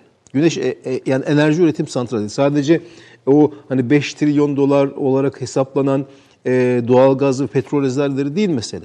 O, o 1.7 milyon kilometre karelik e, coğrafyada e, o çöllerde güneş enerjisinden en verimli şekilde istifade edecek şekilde e, enerji tarlalarının oluşturulması meselesi falan var. Yani bunların onlar onlar kendi aralarında bunları konuşuyorlar. Şimdi tabii ulusal mutabakat hükümeti riski görüyor. Yani evet Türkiye'nin sağlamış olduğu destekle birlikte son derece güçlü bir e, inisiyatif söz konusu oldu. E, bitiyordu. Yani film bitiyordu onun açısından ama önce denge sonra inisiyatif gelişti ve şu an e, Sirte ile Cufra hattına dayanmış durumda. Ama e, kilidi kıramadı. Gerçek bu, vaka bu. Şimdi kilidi kırmakla ilgili ortaya koyucu hamlenin e, bir karşı hamleyle ve bir vekaletler savaşına Mısır gibi bir ülkenin müdahil olmasıyla ilgili bir başka denklem ortaya çıktı. Yani şimdi Mısır'ın niyet okumasını yapamayız. Yani Mısır e, bir blöf yapıyor olabilir, doğru. E, evet belki e, bir, yani çok uzun mesafe var e, Sirte'ye müdahale edebilmesi için ama yani şeyde gördük bizim e, Sayın Bakan'ın e, yapmış olduğu açıklamanın hemen sonrasında Hafter'in başka bir ülkede olduğunu e, değerlendiriyoruz açıklamasının hemen sonrasında Hafter'i Libya'da gösterme ihtiyacı duydular. Yani bir e, muhtemelen helikopter operasyonu oldu. Yani Lib- oraya e, getirildi, orada görüntü verildi, gitti filan. Böyle şeylerle karşı karşıya kalıyoruz. Burada açıkçası e, masa, tamam masa önemli ama e, ben, ben açıkçası hani çok hamasi cümlede de kurma, kurmayı sevmem. E, öyle bir cümlede kurmayacağım. E, ama şu koşullarda masanın kurulmasının e, ben çok avantajlı olmayacağını düşünüyorum. Yani çünkü sonuçta e, yani Libya'nın siyasi yapısının, üniter yapısının bozulmasıyla ilgili son derece büyük bir risk var. Yani şu an masada çünkü Hafter gibi bir savaş baronunun Libya topraklarının yüzde 70'ini, yüzde 75'in hala elinde tuttuğu bir temel denklemde masanın e, arzu edilen e, bir sonuç üretmeyecek. 75 bir şey değil ama. Ama ama üstad top bu başka bir şey. Yani Yok yani çölde mi? E, işte Sirte'den doğuya doğru gidin. Yani şu an hani bir şey şu an yüzde yetmiş e, Brega ekseninde e, konuşlanmış durumda. Yani e, rafineler orada, terminaller orada, e, enerji kaynakları orada ve e, deni, denizi oradan açılıyor. Yani e, o bizim Libya hilali diye tanımlamış Yani olduğumuz şeyden şu anki durumdan Sirte'den Bingazi'ye kadar ki hattı Sirte üzerinden tut kafi gibi gözüküyor. Yani e, şimdi sir, şimdi ben şöyle düşünüyorum. Yani şu cümle güzel bir cümle. Yani kilit, Sirte ve Cufra. Yani e, Doğu'nun yani Sireneyka'nın e, kilidi bu iki alan. Doğru. Yani hele hele e, Cufra gibi bir üstün ele geçirilmesi son derece kıymetli bir kazanım. E, ama e, orada kilidi kırdığınız zaman arkada bir kilit atacak yine. Yani bu bu bu, bu- bu- yani adam sürekli mevzi değiştire değiştire değiştire e, siz kendi ana ekseninizden uzaklaştıkça o da e, sizi yoracak. Bu kolay kolay bir mücadele biçimi değil. Çünkü son derece geniş bir alandan, coğrafyadan bahsediyor Nasıl ve bu yapılır? vekaletler üzerinde. Nasıl yapılmalı? Ya bu, bu bir yerde pes edecek. Bir yerde diyecek ki tamam ben yani bunu aslında yapmıştı. Ama işte o Rus, o Rus'un o aygıtı devreye girdi. Yani o uçaklar o e, Sirte'de e, devreye girmesiyle beraber hani oradaki olan olayı anlatmaya çok gerek yok. Ama orada domine ettiler.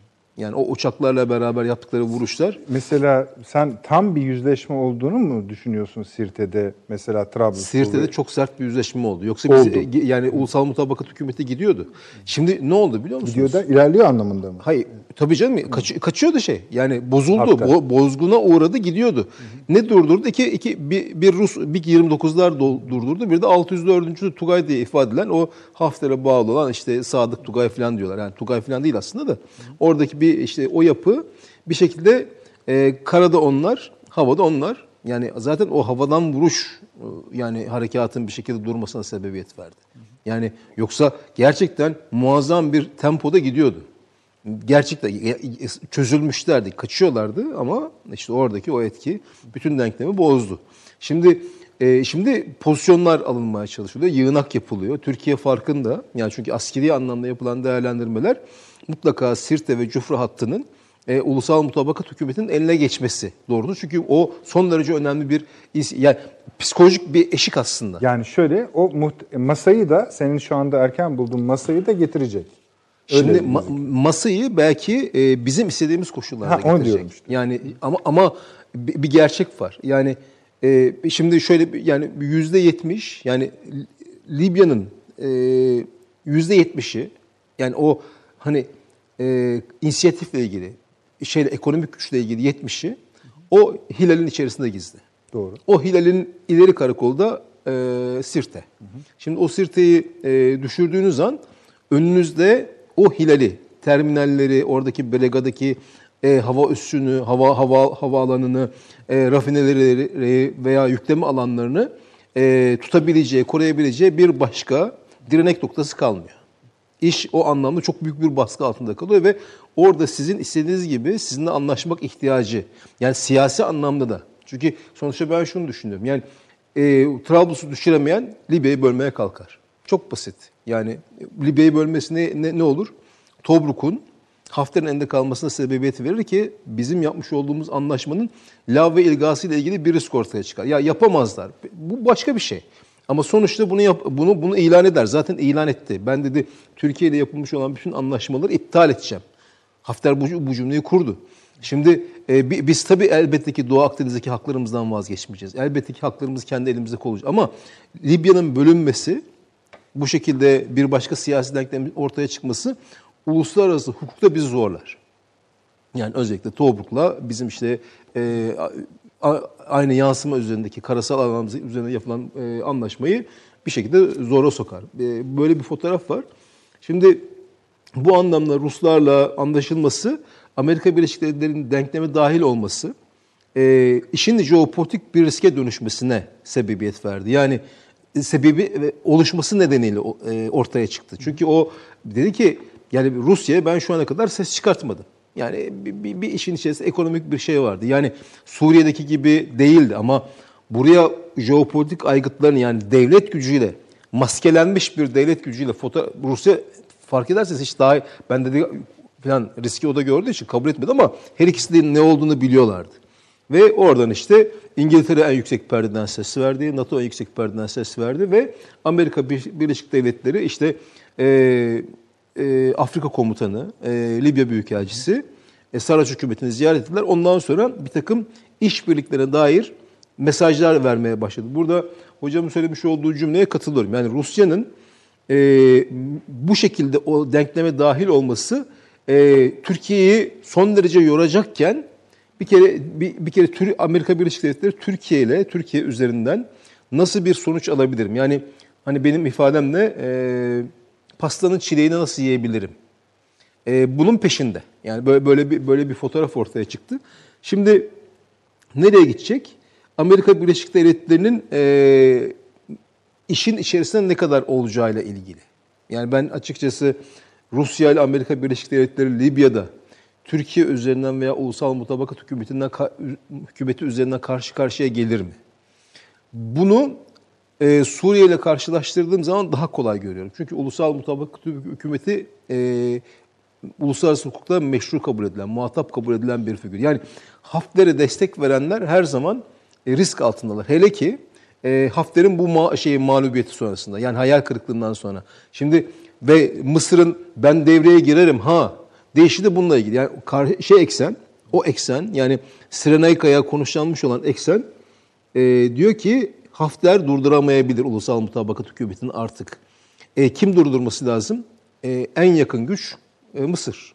E, çünkü ne kadar yardım yaparsa yapsın, yani Birleşik Arap Emirlikleri yağdırdı, Mısır yağdırdı, e, Suudi Arabistan yağdırdı. İsrail. Pa- parayla, pulla, teçhizatla, mühimmatla, silahla her şeyi yaptılar. Yani leblebi çekirdek gibi attı ama Olmadı. sonra kaçtı. Yani bu büyük bir hayal kırıklığı. Çok büyük yatırım yaptılar. Çok çok da para harcadılar. Şimdi Fransa'nın bu kadar gerginleşmesinin sebebi e, üzerine oynadığı at kaybetti. Şimdi sadece at kaybetmedi. Biraz önce Fransa'nın Afrika'dan üretmiş olduğu sağım da kaybetti. Yani bu şimdi yani bununla ilgili büyük bir risk ortaya çıktı. Şimdi böyle olunca büyük bir gerginlik var. Ee, ve bu büyük gerginlik açıkçası e, Mısır konvansiyonel olarak olaya müdahale olursa bu müdahaliyeti e, ulusal mutabakat hükümetine karşı olmayacak. Türkiye'ye karşı olacak. E tabii o da. Yani bu hayır bu ve Türkiye buna karşı duramaz. Buna karşı duramaz. O zaman bambaşka bir denklemle karşı karşıya kalacağız. Yani Peki. yani şimdi o o zaman şey Mısır'ın hassasiyetleri yani işte e, Sina Yarımadası'ndaki Sina Dağı'ndaki IŞİD'in varlığından başlayıp işte İhvan'ın Mısır'daki etkisi, işte Etiyopya, e, Cezayir oradan başka hamleler gelir mi? Başka ülkeler Mısır değişik cephelerde mücadele edebilir mi? Bunların Mısır'a dair pek çok handikap ama yani bizim bu düşündüğümüzü Mısır'da düşünüyordur. Yani çünkü onun onun açısından e, Libya'ya müdahale çünkü o çok farklı bir bakış açısıyla yaklaşıyor olaya. Yani o öyle bir anlatıyor ki kendi içerisinde yani onun İhvan'la girişmiş olduğu o ö, ölümüne mücadele, İhvan'ı bir, bir şekilde e, terörize olarak kabul etmesi, e, Türkiye'yi bir, bir yerde kafasında bir yerde konumlandırması, bu noktada çeşitli eksenlerle işbirliği yapıyor olması, e, yani rejim bile, Esad rejimi bile e, Mısır'a destek verdi biliyorsunuz. Mısır'a destek açıklamaları yaptı. Yani böyle bir fotoğrafta açıkçası benim şeyim şu. Yani Mısır'ın oraya girmesi yani bizim o 1900 e, işte Yom Kippur'da gördüğümüze benzer, 1973'te gördüğümüze benzer muazzam bir türbülansa sebebiyet verir. Yani ne Sen önce şunu söyle. E, bir ihtimali konuşuyoruz zaten. Sen bunu ne kadar olası görüyorsun? Yani ben açıkçası yüzde yüz görüyorum. Yani Mısır Mısır Mısır diyorsun. Mısır müdahale ede, ede- ederse Hayır, onu sormuyorum. Hayır Mısır, Mısır'ın müdahalesi e, Mısır'ın inisiyatifinde kalmış bir olay değil. Tamam işte olsun, onu söyle Şimdi şimdi, şimdi e, şu var. Yani Mısır gerekçe öğretiyor. Yani e, satırını bilemek için, satırını bildiğim bilemiş olduğu satırını kullanmak için meşruiyet üretmeye çalışıyor. Ama burada Mısır'ın bununla ilgili cümleyi kurma kabiliyet ve yani karar verme kabiliyet ve kapasitesi son derece sınırlı. Kendi başına bu kararı Tamam, veremez yürü Mısır. diyecek, yürüyecek. E tabii canım Tamam, ya ki- peki. kim diyecek bunu? Bunu bunu birilerinin desteğini almadan Mısır bunu yapamaz. Bir kere Mısır'ın diğer alanlardaki karşı karşıya kalabilecek, kendi içinde kalabilecek istikrarsızlığı domine etmeden, Etiyopya ile olan meseleyi domine Peki etmeden sahibinin sahiplerini sayar mısın? Kimdir onlar mesela? yani bunlardan bir tanesi Amerika Birleşik Devletleri. En başı. E, tamam. en başı o. En başı değil o tek o. Sen bakma Rusların, İsrail'in, Birleşik Arap Emirlikleri'nin oraya yaptığı yardımlara. Ya- yani Amerika o yüzden- Birleşik Devletleri don dediği an donar. Donar. Tahir. Ama ısın dediği zaman ısınır. Isınır, tamam. Aynen Mutabık öyle. Su içmeyeceksin derse de içmezler. Peki soru şu. Biz bu e, denklemin içerisinde Ruslarla Libya'da karşı karşıya gelir miyiz? Rusya'nın handikapı biraz şu. Hala yani ben uluslararası hukuku sevdiğimden söylemiyorum ama meşruiyeti yok. Hocam uluslararası hukuk var mı? Kaldı mı? Öyle bir şey var mı? Ama yani biraz da şöyle be hani şimdi o zaman dert yanayım. Taşansı Hoca'dan da dert yanayım. Süleyman Hocam'dan da yanayım izniyle. Senden de senin izniyle dert yanayım. Ya bazen uluslararası hukuka yaslanıyorsunuz. Ben diyorum ki tam uluslararası hukuk yok mu diyorum. E yok diyorsunuz. Hocam, Demin bu- söyledim. Şimdi mesela bakın- Akdeniz'deki denklemleri anlatırken uluslararası hukuk açısından bunun uygun olmayacağını. Şimdi e, uluslararası hukuk e, menfaatleri için kullanıl menfaatlere ulaşmak için Tamam. kullanılan bir aygıttır. E tamam. Şimdi e, yani bir e, amaç değildir hukuk. Bir araca dönüşmüştür. Aynı ateşkes gibi. Aynı barış gibi. Aynı müzakere masası gibi. Şimdi burada dokuz kere e, Ulusal Mutabakat Hükümeti ve Birleşmiş Milletler Hafter'e e, demiş ki e, ateşkes pandemi sırasında, bayram sırasında hiçbiri kabul etmemişler.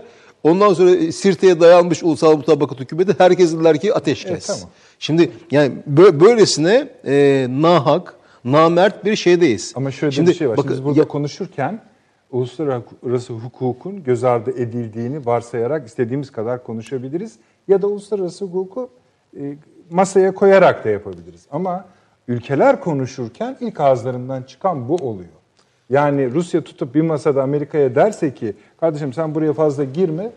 Amerika diyecektir ki ne yapıyorsun sen ya? Senin nasıl orada ne işin var? Seni kim soktu oraya diyecektir. Tamam, orada bulunma hakkın yoktur diyecektir. Kendisinin Irak, Suriye'de ne hatlar ettiğinin hiçbir önemi yok. Ee, onun Ama bu, için bu hani- Amerika'nın hatası olduğunu Amerika biliyor. E, tamam. Yani Neyse, Rus- hani Rusya'nın Rusya'nın oraya girmesinin sebebi Amerika'nın Tamam. yapmış olduğu hata. Şuradan, şuradan devam edelim. Sen ister Mısır kendisi konuşsun. Öyle kendisi konuşacağını bilmiyoruz. İster Amerika Birleşik Devletleri'nin ağzıyla konuşuyor olsun. Bunu yapacağını ya da Amerika'nın bunu yaptıracağını düşünüyor musun? Amerika bunu yaptıracak mı?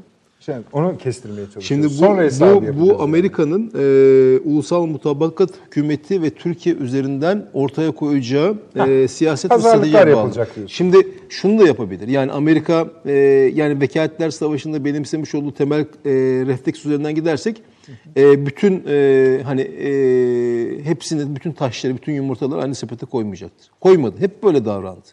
Vekaletler Savaşı'nda e, en mikro örgütten en küresel güce kadar devletler dair kendi menfaatleri doğrultusunda proxy olarak kullanmaya çalıştı. Vekil olarak kullanmaya çalıştı. Şimdi bu, burada da aynı denklem var aslında. Yani karşıt eksenlerdeki konumlanmış olan güçleri kendi menfaatleri doğrultusunda kullanıyor. Kullanma eğilimi içerisinde. Ben açıkçası böyle okuyorum olayı.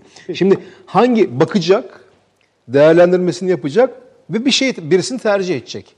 Ve bunun, bunun üzerinden e, bir denklem kuracak. Oradan kendi menfaatlerine ulaşacak ama hiçbir zaman diğer tarafı da e, işte, yani tukaka yani aynı nasıl bir şey biliyor musunuz? Ya bize bir bir tarafıyla Türkiye ile işbirliği içerisindeyken bir tarafı PKK'yı kullanması gibi bir şey. Böyle bu denklem Devam burada edelim. da kendisini Devam gösterecek. edelim. Süleyman Hocam ne diyorsunuz? Yani bir kere Rusya'nın orada bulunması Fransa'nın elini düşürüyor. Mısır'ın elini düşürüyor. Ee, Yunanistan'ın da elini düşürüyor. Çünkü bana kalırsa konvansiyonel bir savaş riskini orada daha çok A- A- A- Amerika Birleşik Devletleri üzerinden değil, bunlar üzerinden okumak lazım. Yani Fransa, Yunanistan ve Mısır üzerinden okuma. Arka planda da Suudiler ve tabii Birleşik Arap Emirlikleri var. şöyle dediniz biraz önce. Rusya, Fransa'nın, Yunanistan'ın, Mısır'ın elini düşürüyor. Düşürüyor. Orada Çünkü bulunmakla. Niye, niye düşürüyor? Niye düşürüyor? Bunlarla birlikte aynı paralele giriyor. Elini nerede düşürüyor? Amerika Birleşik Devletleri ve NATO Karşısında. karşısında düşüyor. Şimdi Fransa Türkiye'yi NATO'ya şikayet ediyor. Değil mi? Şimdi zaten şikayet biraz aciz, aciz kültürüdür. Yani e, bir hukuksal prosedüre titizlenme gayretinden dolayı bunu yapmıyor. Yani ya gelin işte bakın Türkiye burada ön alıyor falan diyor. Ya kendi halledemediği bir şeyi NATO'ya yıkmaya çalışıyor. Ama yanlış kapıya gidiyorsun. Çünkü NATO'daki şu an bütün e, ne diyelim hassasiyetler orada Rusya'nın bulunması noktasında. Bundan çok rahatsızlar. Değil mi? Stoltenberg konuştu. Doğru. Bunu söyledi. Afrikon bunu söyledi. Ve ısrarla söylemeye devam ediyorlar. Ediyorlar. Savunma Bakanı işte. Tabii. Ya. Fransa dedi ki Türkiye bana omuz attı orada filan. Değil mi gemiyle ilgili? Ya bir inceleriz bakarız dediler. Sümen altı yaptılar. Aynen. Ciddiye almıyorlar bu manada Fransa'yı. Tek sebep bu. Şimdi şöyle varsayalım. Rusya orada yok. Türkiye tek başına girdi ve buraya kadar geldi. Fransa'da beraber olurdu, Amerika'da gelirdi, Mısır'da gelirdi, hepsi gelirdi. Yani ne arıyorsun sen burada falan diyeceklerdi. Çünkü oradaki Amerikan itirazını düşürmüş olacaklar. Tabii yani. ki diye hani çünkü Amerika'da hakikaten bak Türkiye'nin burada ne işi vardı diyebilir yani niye demesin. Yani Amerika sabahleyin günlük ışıklarıyla birlikte Libya'yı sorununa kilitlenmiş bir şekilde gecenin ilerleyen saatlerine kadar bunu düşünmüyor yani. Gayet şu an Amerika kafası çok daha Tabii canım baş dertleri çok onun. Pasifik'te şu an onun kafası. Çok orası İçeride daha kötü sorun var, durumda. dışarıda. Tabii, Çok çok tabii, daha tabii. kötü durumda. Çin Şeyde doları pan- pandemi- Mesela Japonya dün- pandemi sırasında ciddi bir zafiyet oluştu biliyorsunuz Güney Çin denizinde. Tabii tabii canım yani dediğiniz Bu- doğru. Bunlar mesela bugünkü haber yani şimdi tabii giremiyoruz bu detaylara e, ama mesela Japonya anlaşmıştı Amerika Birleşik Devletleri. Çin'e yönelik olarak iki tane Amerika'nın elindeki en iyi olan Aegis dedikleri ya da Aegis dedikleri sistemi ön tarafına konuşlandıracaktı. Savunma sistemleri bunlar. Şeyin de üstünde olduğu söyleniyor. Yani dünyanın en iyi sistemleri denen. S-400'lerin de üzerinde, 500'lerin de denilen. Ha, iptal etti dün. Japonya. Ha, garip bir şey. Yani hiçbir sorun yok. Ya bunu tabii bilemiyorum sebeplerini ama Amerika orada çok sıkı bir ittifak sistemi kuruyor. Kuruyor tabii Avustralya Yani falan da dahil. NATO'nun muadili bir yapıyı Pasifik'te kuracaklar. Ve burada Japonya çok kritik, Güney Kore çok kritik, Vietnam var, Avustralya var falan bu bu şey. Hani Çin'i denizde boğacaklar orada yani. Başka türlü bunun çıkış noktası yok. Dolayısıyla öncelik orada. Ama arada bir mesela Fransa gibi hatırı sayılır bir güç Amerika'yı dürttüğü zaman bakıp orada Türkiye'yi görse tek başına Türkiye'yi görse Amerika da yani diyecek evet yani çekilin oradan biz geliyoruz diyecek veya Fransa'ya sen git diyecek. Yani değil mi? Beraber yapmadılar mı Kaddafi operasyonları? Bunu da yok ama o zaman Rusya yoktu orada. Yok. Şimdi Rusya var. Dolayısıyla Fransa'nın e, bu açıdan hakikaten e, bu işin periferisine itiliyor. E, O zaman biz Rusya'yı aslında bir baştan elden geçirmek. Ha şimdi bence Rusya ile düşünmek lazım yani o işi. Dolayısıyla Mısır da aynı şekilde yani Mısır şimdi Rusya ile beraber müdahale yani Wagner güçleriyle Mısır kuvvetleri birlikte olacak iş değil. Yani Hocam şey beş- diyeceksiniz beş biraz sonra neredeyse Süleyman Evet, Hocam. yani beş Çok- çok ilginç bir ama şeyler aslında orada. Yani Evet. neredeyse şunu diyeceksiniz. Rus eğer Mısır Libya'ya müdahil olursa Rusya'ya karşıdır. Nasıl pardon? Yani Mısır Evet, Libya'ya müdahil olur ise evet. Rusya'ya karşıdır'a kadar gidecek bir cümleye geliyoruz sanki. Yok Rusya ile beraber müdahale etmiş. Hayır işte tersi sizin ama kurduğunuz tabii, denkleme tabii, göre tabii. Amerika'nın Anlıyorum. tamam. Evet, evet. Pardon, onu bir şeyim takarsanız. düştü. Siz takana kadar bir Taşans Hoca'ya gideyim mi Süleyman Evet, Hocam? Taşans Hocam. Müsait mi Ankara arkadaş? Tamam evet. Ee, buraya kadarki bölüm için Buyurun, buyurun Nedret Bey, duyuyorum sizi. buraya kadarki bölüm için katkı yapmak ister misiniz? Yo yani e, ben zaten söyledim biraz önce hani Fransa'nın dışarıda Yo, Rusya özelinde, Rusya. bahsediyoruz burada. Ha, Rusya özelinde yani e, işte e, söylediğim gibi yani Rusya bir şekilde asıl aktör Libya'da yani Türkiye'nin karşısında yer alan asıl aktörün Rusya olduğunu tespit etmek lazım. Ancak bu yani anlaşılamayacağı anlamına gelmez. Anlaşılabilir. Orada Amerika'nın da bir şekilde yani e, şöyle söyleyeyim Ruslar Amerikalılarla Libya konusunda anlaşamazlar. Bu çok açık. Tamam. Ee, yani çünkü Ruslar Suriye konusunda Amerika ile anlaşabilir. Bu hep böyleydi. Yani strateji dediğimiz şey coğrafyaya bağlı, jeostrateji dediğimiz şey değişmez. Yani belli sınırlılıklar var. Yani bu 58'de de Irak olaylarında da 57'de Türkiye-Suriye gerginliğine de baktığınız zaman ya da bağızçılığın yayıldığı dönemde Sovyet etkisine baktığınız zaman bunun bir sınırı var, limitleri var coğrafi olarak. Yani Suriye konusunda Amerika ile Rusya anlaşabilir. Ama Ama Libya konusunda Amerika ile Rusya anlaşamaz. Ancak Rusya'nın talep ettiği Libya'ya dair e, bazı şeyler var ise bunları almasını Amerika ile anlaşmasını değil de Türkiye ile anlaşarak aslında e, örtülü olarak Amerika ile de anlaşmış olabilir. E, Dolayısıyla Rusya açısından bu faydalı. Yani diplomatik anlamda düşünecek olursanız Rusya açısından bakarsanız Türkiye de bunun altını çiziyor zaten Rus muhataplara. O yüzden o e, heyetler arası görüşmeler yapıldı ve hatta tarih açıklandı bakanların geliş tarihi. Bakanların geliş tarihi açıklanıyorsa eğer anlaşmaya yakın olduğunuzdan açıklarsınız.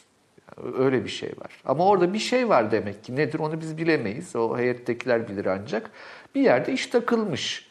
Aşılabilir mi? Aşılabilir. Ama dediğim gibi bakın o denklem e, maşrık mağrip denklemidir Türkiye açısından. Bizim elimiz Libya'da kuvvetli, Rusların eli Suriye'de kuvvetli ve İdlib konusunda bizi sıkıştırdıkları açık birincisi. İkincisi Kuzeydoğu Suriye konusunda sıkıştırdıkları açık.